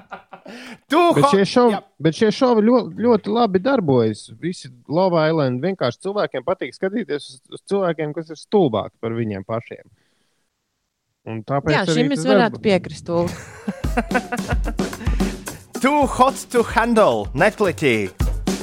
Pieci rīti skatās TV. Un tu teici, ka nav jēga skatīties līdz beigām. Es domāju, pēc tās otrās sērijas arī paliekam. Jau es vakar, kad biju pabeidzis radio darbus, izgāju ārā domu laukumā, absolūti tukšajā domu laukumā, un pēkšņi ieraudzīju trīs džekus, kas rīktīgi atgādināja turistus. Viņiem bija fotoaparāts, un, un jā, nu, neizskatījās pēc vietējiem, vienmēr sakot. Es aizdomājos, ka kaut kāda Baltkrievija nav vaļā šobrīd. Robeža ar Baltkrieviju, piemēram. Nu, nevajadzētu būt. Nē. Jā, bet šis bija ļoti interesants skats. Ar tā, ar tā, do- pirmajā brīdī es domāju, o, re, kur turisti atgrie, sāk atgriezties. Bet, bet tad es braucu ar riteni un domāju, kā? kā tas var būt? No kurienes viņi ir uzradušies? Bet Varbūt uh, viņi ir tādi taču paši. vēl aizvien, nu, cik veci tie cilvēki bija? Tā, kā tev izskatās, varbūt tie bija studenti, kas ir palikuši Latvijā. Tā varētu nav būt. Aizdevušies mājās. Tā varētu būt. Nu, Viņi izstījās, ka viņi nāk no austrumiem. Tālu brauc. Kā raksta kāds klausītājs. Tie bija tālu braucēji. Ļoti iespējams. Visas robežas ciet raksta padomnieks. Okay. Bet tā to man liekas, ka tāds mazs, mazs stūrītis tur ar Baltkrieviju varētu būt palicis vaļā. Ļoti iespējams. Mieru, tikai mieru. Klau, es gribēju atkal ar jum- jums lūgt padomu manā šīs dienas playlistē. E-punkts uz Slipsvītra 55 dziesmas. Es esmu, es tuvojos jau 40 playlistēm, kuras esmu radījis kopš iestājās ārkārtējā situācija. Katru dienu es uztaisu sarakstu ar, Uh, mūzikas saraksts ar 55 dziesmām. Un šodien būs 55 dziesmas par darbu. To kāds no jums, starp citu, šeit bija rakstījis mums uz rādio, ka jūs, jums tādas vajag, vajagot. Par to, kā strādā cilvēks. Un man liekas, tas dziesmas tā arī ir. Ja tu tādas dziesmas klausies, tad mm, tas automātiski kļūst par tādu motivatoru, ka vajag pastrādāt vēl bišķi vairāk. Es izdomāju, tev tikko vēl veselas četras playlistas. Pagaidiet, nevis playlists ir ziemu- jādomā. Pagaidiet, pagaidiet, pagaidiet. Pagaid. Jā. ziemeļiem, dienvidiem, rietumiem un austrumiem. Nē, par ziemu, vasaru, pavasari un rudeni. Un tas tas pats. Jā, un tad par pirmdienu, otrdienu, trešdienu. Par nedēļas dienām man starp citu. Es, es, ja tu vēlēsies, es tev varu nolasīt, tas būs drausmīgi gari, bet es tev varu nolasīt, kas man stāv šobrīd. Uh, pēdējās piecas svaigākās, kas man ir pierakstītas, kuras stāv noliktas nākotnē, ir 55 Jamesa Bonda mīļākās dziesmas. 55 melodijas nervu nomierināšanai, 55 dziesmas par vientulību, 55 dziesmas par paģirām, 55 dziesmas demogrāfijas veicināšanai un tā tālāk. Bet šodien būs 55 dziesmas par darbu. Klausieties, es esmu pieņēmis lēmumu, kādam dažreiz ir jāpieņem lēmums. Man liekas, ka jāsāk ir ar nevis slinkojot un pūstot. Darba liste. Bet vai jums nāk prātā kaut kas, ko tur vēl ielikt iekšā? Džonijs Kešs un uh, Dolija Pārtona. Rekords 925 ir jā. Jā. jā, to es esmu pacēlis. Bet uh, ko tu no keša gribi? Viņam nebija tas 16 tons. Kas tad? 16 tons. Ah, nē, to dziedāja cits kaut kāds. Nē, ir 16 tons. Ir, ir, ir, ir. Tas ir Džonijs Kešs, bet es šādu nezinu. Viņš tā kā par tālbraucēju šoferi dzied, kurš ka 16 viņš- tonnas. Strādā un ceļ 16 tonnas, un kas viņam sanāk? Nekas.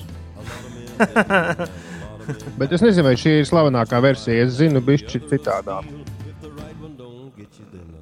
Labi, to es pēc tam papētīšu. Vorka ho... to unlimited esot. Dziesmu workaholic. Tu tādu atceries no bērnības, Ulu? Nē, bet droši vien izdzirdēšu. Rekord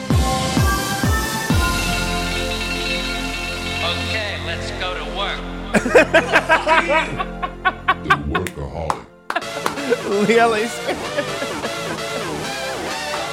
Es nezinu, kā jums mans otrdienas rīts nu pat tika izglābts ar šīm skaņām. Ines, šis ir tas, ko mēs ar Ulu klausījāmies, kad mums bija 11 vai 12 gadi.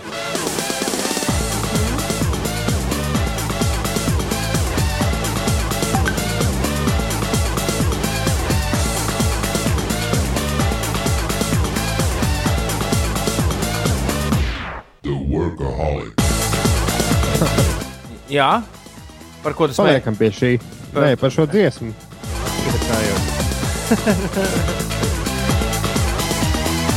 Ten o'clock postman, par to es nebiju iedomājies. Tas ir, uh, tas ir brīnišķīgs gabals. Viņš ir arī brīnišķ... nu, viņš ir brīnišķīgs, tāpēc ka viņš vienmēr uzlabo garstāvokli. Secret Service.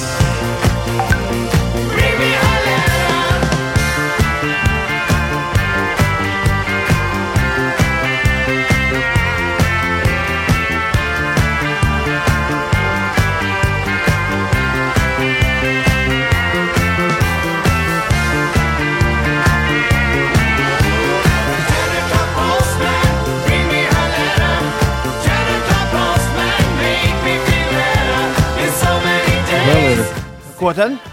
ja no instrumentālajiem, tad, tad ir work song no džēza, no Cannonball Ederlī, bet tas ir instrumentāls. Bet tas der. Es- Jo 55 dziesmas, tic man, brīžiem ir uh, stipri par uh, daudz. Dažreiz Jā. izvēlētām tēmām. Par šo es piefiksēju. Paldies visiem, kas arī sūta uh, savus. Savus versijas. Kosmonauts ir sadzirdējis.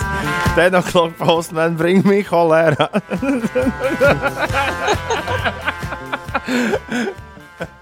Jā, šis ir labs jautājums. Vai, pašmauc- vai Džordžs, uh, vai Džordžs, piemēram, about work the dance floor skaitās? Man liekas, ka nē. Ka tomēr tas nav īsti. Tur ir tikai vārdiņš, work, bet tas ir kaut kas pilnīgi pretējs. Tātad something good can work. Arī man ir jāmet ārā. Vai we can work it out? Nu, īstenībā var jau būt, ka nē, vai vajag tik, Es tik nezināju, sīki. Jā.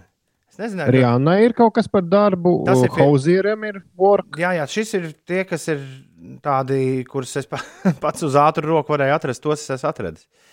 Tie Un tu- Huijam, Huij, ne, es atvainojos, Hu- Huey Lewis and the News ir dziesma Working for a Living.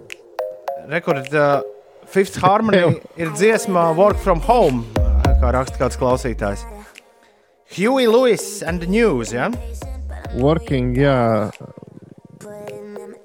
for a living. No, it's the working for a living. Tādu man nerāda šeit. Jā. Labi. Zini, kas ir smieklīgākais, ko es No. tikko atcerējos? Kad tu jau vari arī grupas nosaukumu, ir taču grupa, ko sauc vīri darbā. Jā, tas diez vai ska... tas, diez... tas gan ir pievilkts pilnīgi aiz matiem. Nu, labi. ja jums ir vēl kāds labs ieteikums, uh, atsūtiet 293, 1202, un šorīt būs, būs mums uh, playlist par strādāšanu.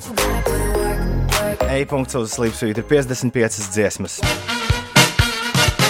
Ir otrdiena, 21. aprīlis. Skan Latvijas Rādio 5,5 LV. Šis ir raidījums 5 rīta. Labrīt! Vietām Latvijā zemnieki vēl turpina vākt vasaras rapsi, arī eh, kukurūzu, kuras laža, raža ir laba, līdz ar to lobarības ziemā pietikšot.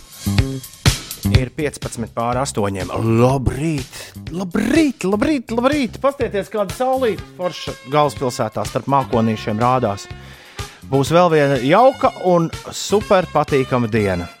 Un distancējoties jau drīkst bišķiņi kaut kur, kaut kur aiziet pastaigāt. Galvenais - kopā ar cilvēkiem, ar kuriem tu dzīvo kopā, nevis, nevis ar citiem cilvēkiem. Anastasijai un Mārģerim ir šodien vārda diena. Sveiciens viņiem! Daudz laimes dzimšanas dienā jaunā Rīgas teātra bijušajam aktierim Andim Strodam. Daudz laimes vieglatlētam Tomam Andersonam, mūziķis un komponists Rihards Zaļups viņa dzimšanas diena. Anglijas karalienei Elizabetei II šodien dzimšanas diena, Igijam Popam ir dzimšanas diena, Andijai Makdowellai, modelei, aktrisei un producentei, un afroamerikāņu trombonistam un komponistam Slaidam Hamptonam arī dzimšanas diena. Daudz laimes dzimšanas dienā! Lai viss pa pirmo!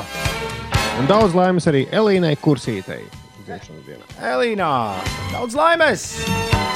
Ir pienācis laiks mums noklausīties kādu īpašu dziesmu, kur vēlas mums nospēlēt kāds īpašs, kāds īpašs cilvēks. Un, uh, mēs zinām ar Ulu tikai to, ka tas ir mūziķis. Pirms uh, kāda laiciņa mēs uh, Ines pastāstīja, ka šodien mēs klausīsimies brīnišķīgo melodiju Gardo un dziesmu Morning Sun. Mēs izteicām minējumus, es teicu, ka tas ir Lauris Valters, jo es Lauru Valteru Facebookā redzēju šo dziesmu. Un Ulds teica, ka viņam šķiet, ka šo dziesmu mums grib nospēlēt Kārlis Kazāks. Ir pienācis laiks uzzināt, kurš ir šīs dienas mūsu īpašais īs pēc astoņiem DJs Latvijas Radio 5,5 LV ēterā un raidījumā 5 rīti. Tā. Spiežu play pogu tagad. Labrīt, pieci rīta klausītāji! Šeit Lauris Valters. Es jums novēlu pacietību, gaišumu un sirdsmieru šajā interesantajā laikā. Un šajā rītā lai skan melodija Gardet kompozīcija Morning Sun par skaistiem un saulainiem rītiem. Es esmu dabūjis pirmo punktu šajā rotaļā. Jā, Melodija Gardo 8,17. Maģiski. Šis ir Morning Sun. Paldies, Lauri! Honey, child, let me tell you now, child. Ozols, pavasaris! Īsts pavasaris aiz loga 21. aprīļa rītā. Labrīt, draugi! Melodija Gardo pirms tam Lauris Valters. Šajā rītā mums uzspēlēja Morning Sun.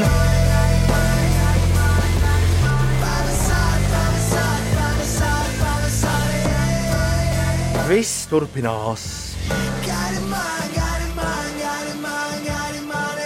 Ir 8,25. Ines izstāsta, kas notiek. neliels sastrēgumiņš uz Kārļa Ulmaņa gatavas pagrieziena uz vienības gatavu. Tur apmēram 4, 4 minūtes ir jākavējas, bet citās vietās Rīgā viss eh, mierīgi. Vēl par uh, ziņām no Latvijas aprīļa beigās pirmizrādi piedzīvos dokumentālā filma Laiki, cilvēki, valoda. Tiesa, šis nosaukums ir uh, latgaliski rakstīts. Es gan neņemšos to, mm, to mēģināt izrunāt. Jā, Tomam, viņš gan. Šī dokumentālā filma būs par politisko varu attieksmi pret latgaliešu valodu. Po- Laika posmā no 1920. līdz 1960. gadam. Tikmēr uh, Spānijā cīņā ar covid-19 izmanto kosmiskās tehnoloģijas. Spānijas mediķi ir sākuši izmantot ultravioletās gaismas iekārtas cīņā pret koronavīrusu covid-19. Tā ir tehnoloģija, ko parasti pielieto starptautiskajā kosmosa stacijā. Mediķi informē, ka iekārta spēj iznīcināt vīrusus, sēnītes un baktērijas jebkurā telpā, un dezinfekcija tiek veikta vairākos ciklos, pusstundas laikā, un pēc tās nav nepieciešama telpu veidināšana. Iekārta ir arī aprīkota ar kustību sensoriem, kas pārtrauc tās darbu telpā, ja ienāk cilvēks. Tā tādas lietas, piemēram, izmanto Spānijā. Un vēl es gribēju par laikapstākļiem. maks- Tās droši vien maksā dārgi, vai ne? Droši vien, jā, bet par laikapstākļiem es gribēju pateikt, ka šodien būs gan silts, plus 9, plus 14 grādi. Yeah. Dažviet debesis mākoņainas. Vietām pārsvarā vidzemē un latgalē var nedaudz īslaicīgi uzlīt. Bet, uh, Un tas nemaksā neko. Kas tad? Kas Tas tieši? lietus? Nu, Kurš var uzlīt? Saules ultravioletais uh, Degums? starojums, vai Par ko tur runā? Nu, viss, tas ir pa brīvu. Tā ir. Tā ir. Tas taču forši. Mm -hmm. Gaisā vai aizā? Interesantās mūzikas aptauja. Interesantā, interesanti gan. Interesantās mūzikas aptaujas gaisā vai aizā ir klāta, un vakar mums bija jauns līderis. Pirmoreiz gaisā mests vesels līderu duets. Daniels Rebus un MC Šmits dziesma par to, ka zaķiem vajag Rīgu. Rīga, mana zaķu Rīga,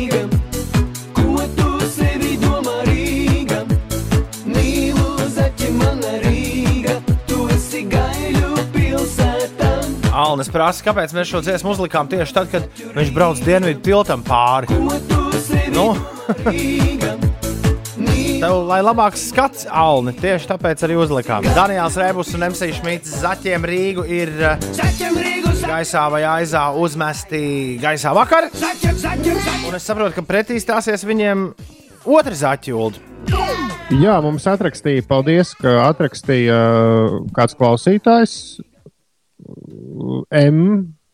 Ka šodien vajadzētu zaķu cīņas. Uh, Grupējumu Adot Zapti 97. gada janvārī norganizēja uh, Sarkanā oktobra un grupas Sirke basistis, basistis vokālistis Kristīna un Laura. O, cik jauki. Es starp citu tajā laikā ar, ar, ar šiem cilvēkiem bišķiņu balējos kopā.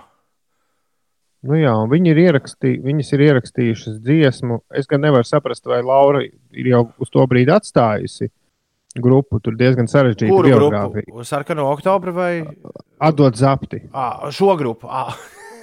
Jā, jā, jā. À, okay. Jo tur ir iesaistīta arī grupa Šakālis. Un, Nu, es atdodu Jā. zapti, jebkurā gadījumā neatceros. jā, nu, nav, nav bijis daudz uzstāšanās, bet buļbuļs kojās tā, tā ir bijusi. Neko jaunu nav ierakstījusi. Nu, atradīsiet. Katrā ziņā Latvijas alternatīvās mūzikas Šeit ir ļoti, Jā. ļoti svarīgi pateikt. Underground, Latvijas underground mūzikas zelta fonds. leģendas, jā, zelta fonds. Atdod zapti un viltīgie mazie zaķi.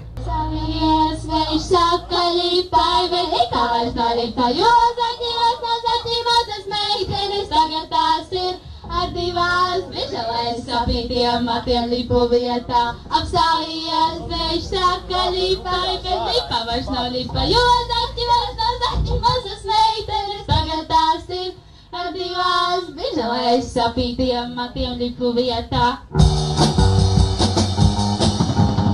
Šorīt es varētu teikt, ka šī jau ir normāla dziesma.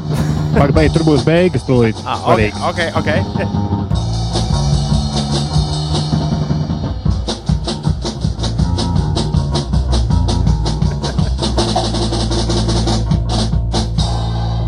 Brīnišķīgi. Brīnišķīgi. Atdod zapti un viltīgie mazie zaķi. Metam gaisā vai grūžam aizā! Dziesmu ieteikumus sūta rīti at 5.lv. Paldies visiem, kas cītīgi sūta mums pieteikumus, un paldies arī visiem, kas cītīgi zvana uz 293, 202, lai krītu mēs uzzinātu, kuru dziesmu metam gaisā un kuru aizā. Labrīt, radio! Halo! Labrīt, no rīta! Kas mums zvana? Liena!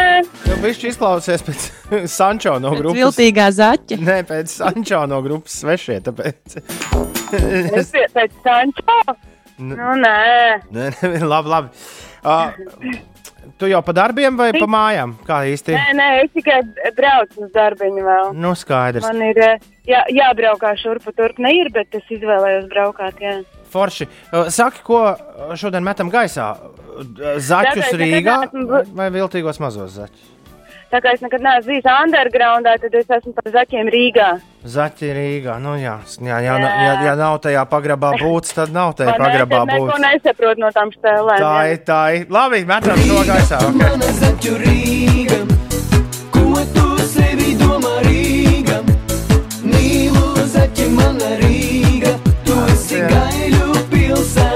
Uņģika. Rīga, Tas uņģika lietas, viņas ir jā, nu, tādas spe specifiskas. Esi ne ar vienu nestrīdēšos.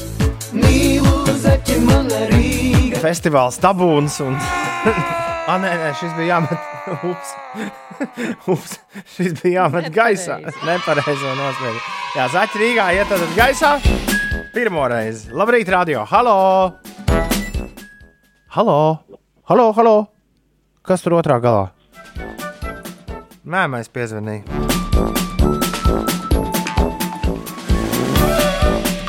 Mhm, ok, labi. Nu, ok. Halo, Rīga, ra Rīgas radio. Piektā Rīga klausās. Kas mums zvana? Halo! Halo! Viens, viens! Kā tevi sauc? Nu, viens, viens! Čau, Ingūna! Labrīt! Ir viens, viens. Viltīgie mazie zaķi zvērēļi tādi starp kopanām plakā. Ierāpjas tajās atkal izrāpjas ārā. Nu, reiz zaķu cīņā mums ir neizšķirts. 293, 1202, nākamais zvanītājs. Tā teikt, uh, pēkšņi gribēju teikt, noliks karoti. Nē, nē, nē, nē. nē. Nākamais, nākamais zvanītājs. Sitīs dūri galdā. Sitīs dūri galdā un paziņos, kurš šorīt ir uzvarējis. Labrīt, kas mums zvana? Kristaps! Čau, Kristap! Kur tu? Tādā agrumā. Es jau otro reizi zvanu, nekad mani nedzird. Ne, tagad mēs tevi dzirdam. Es tev prasu, kur tu, tu man nedzirdi. Es tev prasu, kur tu tādā agrumā tagad dodies. Es jūrmalā tur. Es jūrmalā. O, o, o, o, forši. Kristap, par ko tu balso? Ko mēs metam Par za- gaisā? Kri- Kristap, par ko tu balso? Mēs nedzirdam. Undergrounds. Undergrounds. A- Atdod zapti. Aiziet, metam gaisā. Viltīgie mazie zaķi zvērēļi tādi starp kopanām plakā. Ierāpjas tajās atkal izrāpjas ārā. Lipa zibuļi. Jā. Nu, šādi mums spēlīt šorīt. Viltīgie mazie zvērēļi. Jā, kas ir Ulu? Es zinu, man šķiet, kas stāsies pretī viltīgiem maziem zaķiem. Ok, bet tā nesteigsimies notikumiem pa priekšu. Bet, jā, Viltīgie mazie zaķi gaisā. Daniels Rēbus un MC Šmits, Zaķiem Rīgu. Aizā!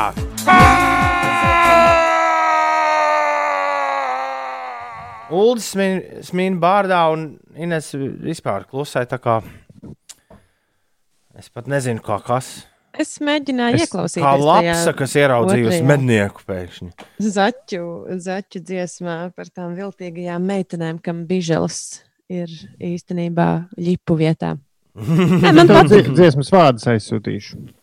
Jā, es gribu iemācīties. Kas tev patika? Man patīk tāda dziesma. Man patīk labāk tāda, kur ir smieklīgi kaut kas uh, izdziedāts, nevis tā kā tā smelts like teen spirit, kas mums bija. Nē, nē, nē, nē,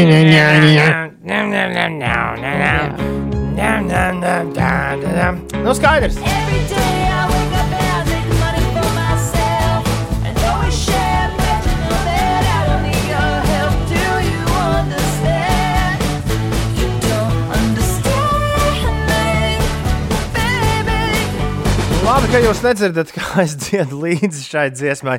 Kad Heimas, kad Heima māsas visas trīs parādījās no Losandželosas pirms vairākiem gadiem, man šķiet, ka šī būs pēdējā grupa, kas man, ā, man patiks. Un, ja godīgi par to troksni, kas ap viņām bija sacelts, es dažreiz. ā, Dažreiz saraucu pieru un teicu, vai tad tiešām. Bet uh, viss, ko viņas ir darījušas pēdējā gada laikā, palēnām atklājot jaunas dziesmas, kuras mēs dabūsim augusta beigās gaidāmajā albumā Women in Music Part 3. Oh, tas viss ir uh, rīktīgi forši, un man liekas, šī ir viena no vispavasarīgākajām dziesmām, kāda šobrīd ir ārā jaunajā mūzikā. Tās bija Haimas ar The Steps, bet Ulu, tu vari apmēram iedomāties, kā izklausās, kad es, jo tur ļoti interesanti piedzīvājumā, kā viņas iet uz to, aiziet uz to augsto noti. Kā izklausās, kad es pilnā balsī dziedu, baby, you don't understand, baby. Jā.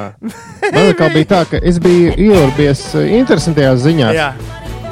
Un, Jā, jā, es un runāju. pēkšņi piepiksēja ar tādu sajūtu, Ew, kas tas mums šobrīd skan? Kāpēc mēs spēlējam Šerilu Krovu?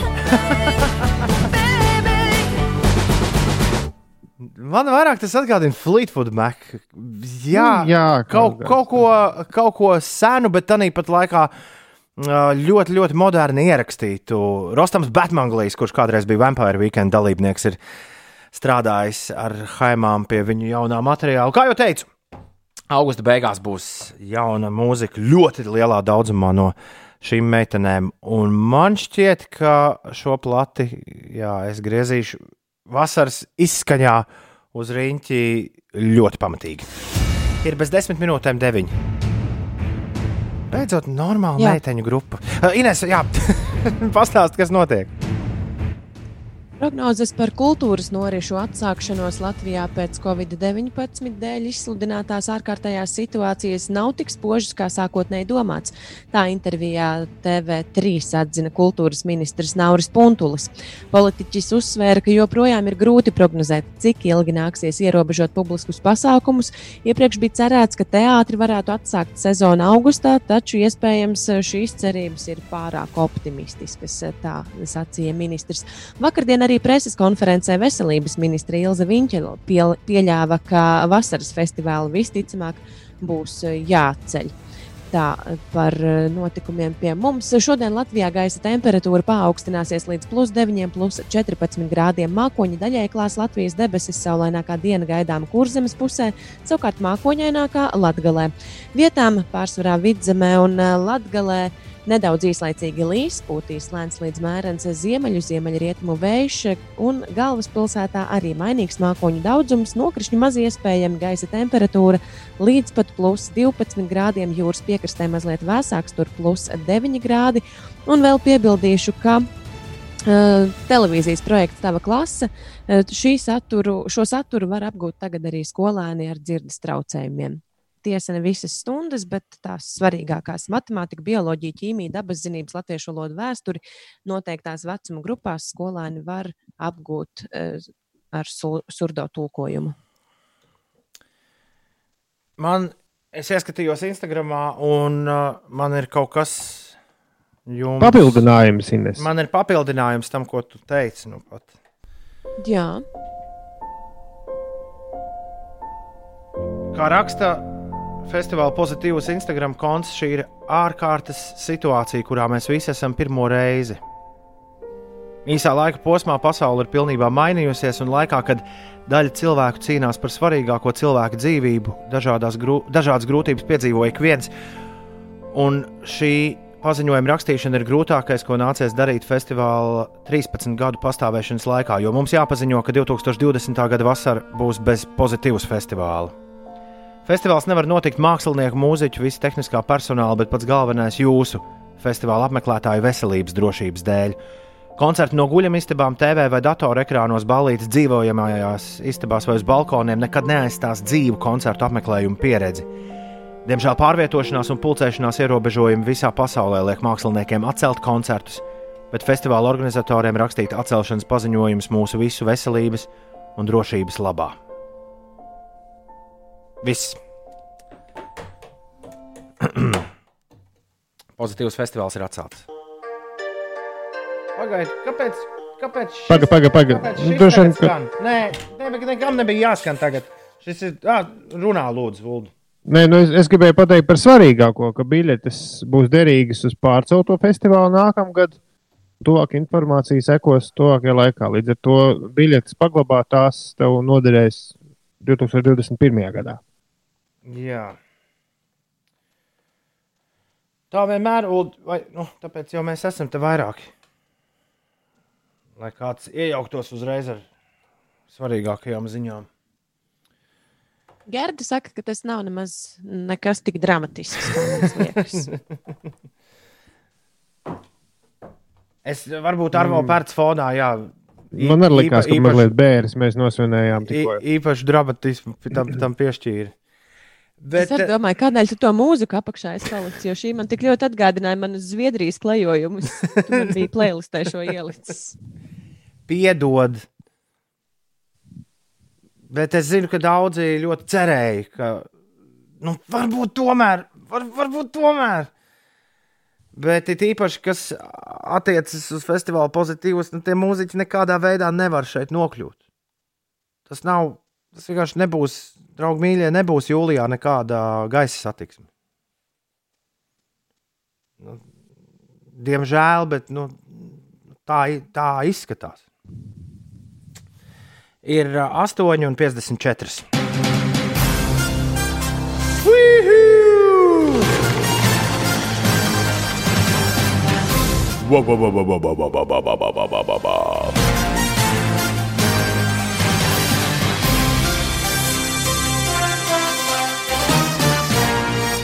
Ko?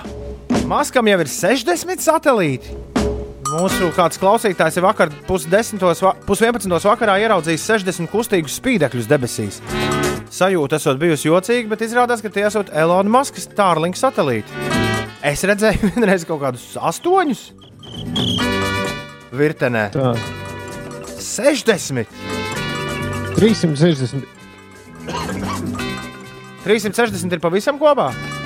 Palaist šobrīd. Uh. Te- 61 reizē viņš lēš gaisā. Oi, oi, oi. Bet, bet drīz būs tā, tas nozīmē, ka drīz būs internets, drīz visiem būs internets. Bet tu varēsi viņu samaksāt. Šis bija 25 dolāri. Jā, bija stāsts. Pats tu mums stāstīji, ka būšot pa lēto. Daudz zīmolu, lai atbalstītu paliec mājās iniciatīvu, atklāja dažādus noslēpumus, kas līdz šim plašākai publikai nebija pieejami. Piemēram, Britu zaķītis, kur filiālis šobrīd ir slēgtas. Tas tāds restorāns, kur uh, kartupelīšus un, un burgerīšus dod. Zaķītis, kur filiālis šobrīd ir slēgtas, e-pastā saviem klientiem katru nedēļu sūta kādu savu burgeru recepti. Bet mazliet tuvāk mums, Šmikējā ir nopubliskojuši savu kotletīšu recepti, lai tie, kam šobrīd mūsu gaļas bumbas uh, trūkst, varētu tās pagatavot mājās no visiem pieejamajiem produktiem. Nekas tāds gan tajā receptē nav. Interesantākā sadaļa ir īpašā zviedru krējuma mērces recepte. Bet, ja jau uz šīm gaļas bumbiņām var turēties vesela mēbeļu veikala ķēde, varbūt arī tev noderēs kādā no paliec mājās vakariem. Uh, Starp citu, vai tās mums būtu jāsauc par kotletītēm? Uldis ir uzgājis, ka Krievijā, piemēram, tās sauc par frikadeļkām. Tās gaļas Bet bumbiņas. nevar vienkārši Viņas sauc par ga- gaļas bet- bet Viņas sauc par gaļas bumbiņām, jā. Jo kotletes ir Mēs varam- izskatās Bet tas taču ir kotletes, vai ne? Bet mēs varam saīsināt gaļbumbiņas. Viņas bet, ir, eh, ar- viņas ir ā, tādas kotletes, tomēr ir, mēs esam pieraduši ar maltu gaļu. Šī ir bišķiņa savādāka gaļa. Ulu. Kāda tad šī ir gaļa? Nu, receptē ir teikts, ka tur ir malta gaļa. No, ā, uzēdiet kādreiz, man ļoti garšo viņu un zviedru bumbiņas. Tā maltā gaļa vairs nav. Mēs ēdam viņu tādu, ka tiešām ka tā būtu sapļackāta malta gaļa kopā. Tur Konsistence ir ir trīs reizes savā. samalta. Kā, apmēram, jā, konsistence vienkārši ir savādāka nekā mūsu kotletītēm. Tāpēc tās gribas saukt savādāk. Atcerieties, stāstījām, ka šur tur Floridā ir izlikti paziņojumi, ka starp cilvēkiem jāievēro viena krokodila distance. Kāds rakstīja, ka Kanādā esot jāievēro aļņa attālums. Mums bija, mums bija porziņģis. Ja? Cilvēkiem. Mm, jā. Kāds lielveikals Sibirskī Molu Krievijā durvīs ielicis paziņojumu, darbie apmeklētāji, lūdzu, ievērojiet ne mazāk par pusotra metra distanci viens no otra. Un tas ir apmēram viens neliels lācis. kā raksta kāds Twitter lietotājs, bet, protams, ka visi Sibīrijas iedzīvotāji zina, cik liels ir neliels lācis. Un grūti laiki pienākuši arī tiem cilvēkiem, kas nodarbojas ar dažādām tumšām lietiņām. Mēs esam jau jums stāstījuši, ka zivju ne, dzīvokļu zagļiem ir nedēļas. Zivju zagļiem. Tagad, laiki, jā. tagad portāls Vairs raksta par to, ka lockdown ietekmē arī narkotīlers. Lai arī šis stāsts īsti neiedaras īstu interesanto ziņu kategorijā, to par interesantu padara fakts, ka īsti tumšie ļautiņi piegādā aizliegtās vielas. To padara fakts, kā īsti tumšie ļautiņi piegādā aizliegtās vielas saviem klientiem. Britu policija pēdējo nedēļu laikā noķēruši vairākus kurjerus, kas pārģērbušies par skrējējiem, piegādes uzņēmumu darbiniekiem, un kāds noķēra stiepjam milzu grozu ar dažādiem pārtikas produktiem vecmāmiņai. Okay, viņš kļūst par stulbāko bandītu. par kādu es esmu dzirdējis pēdējā laikā. Tēloja sarkangalvī.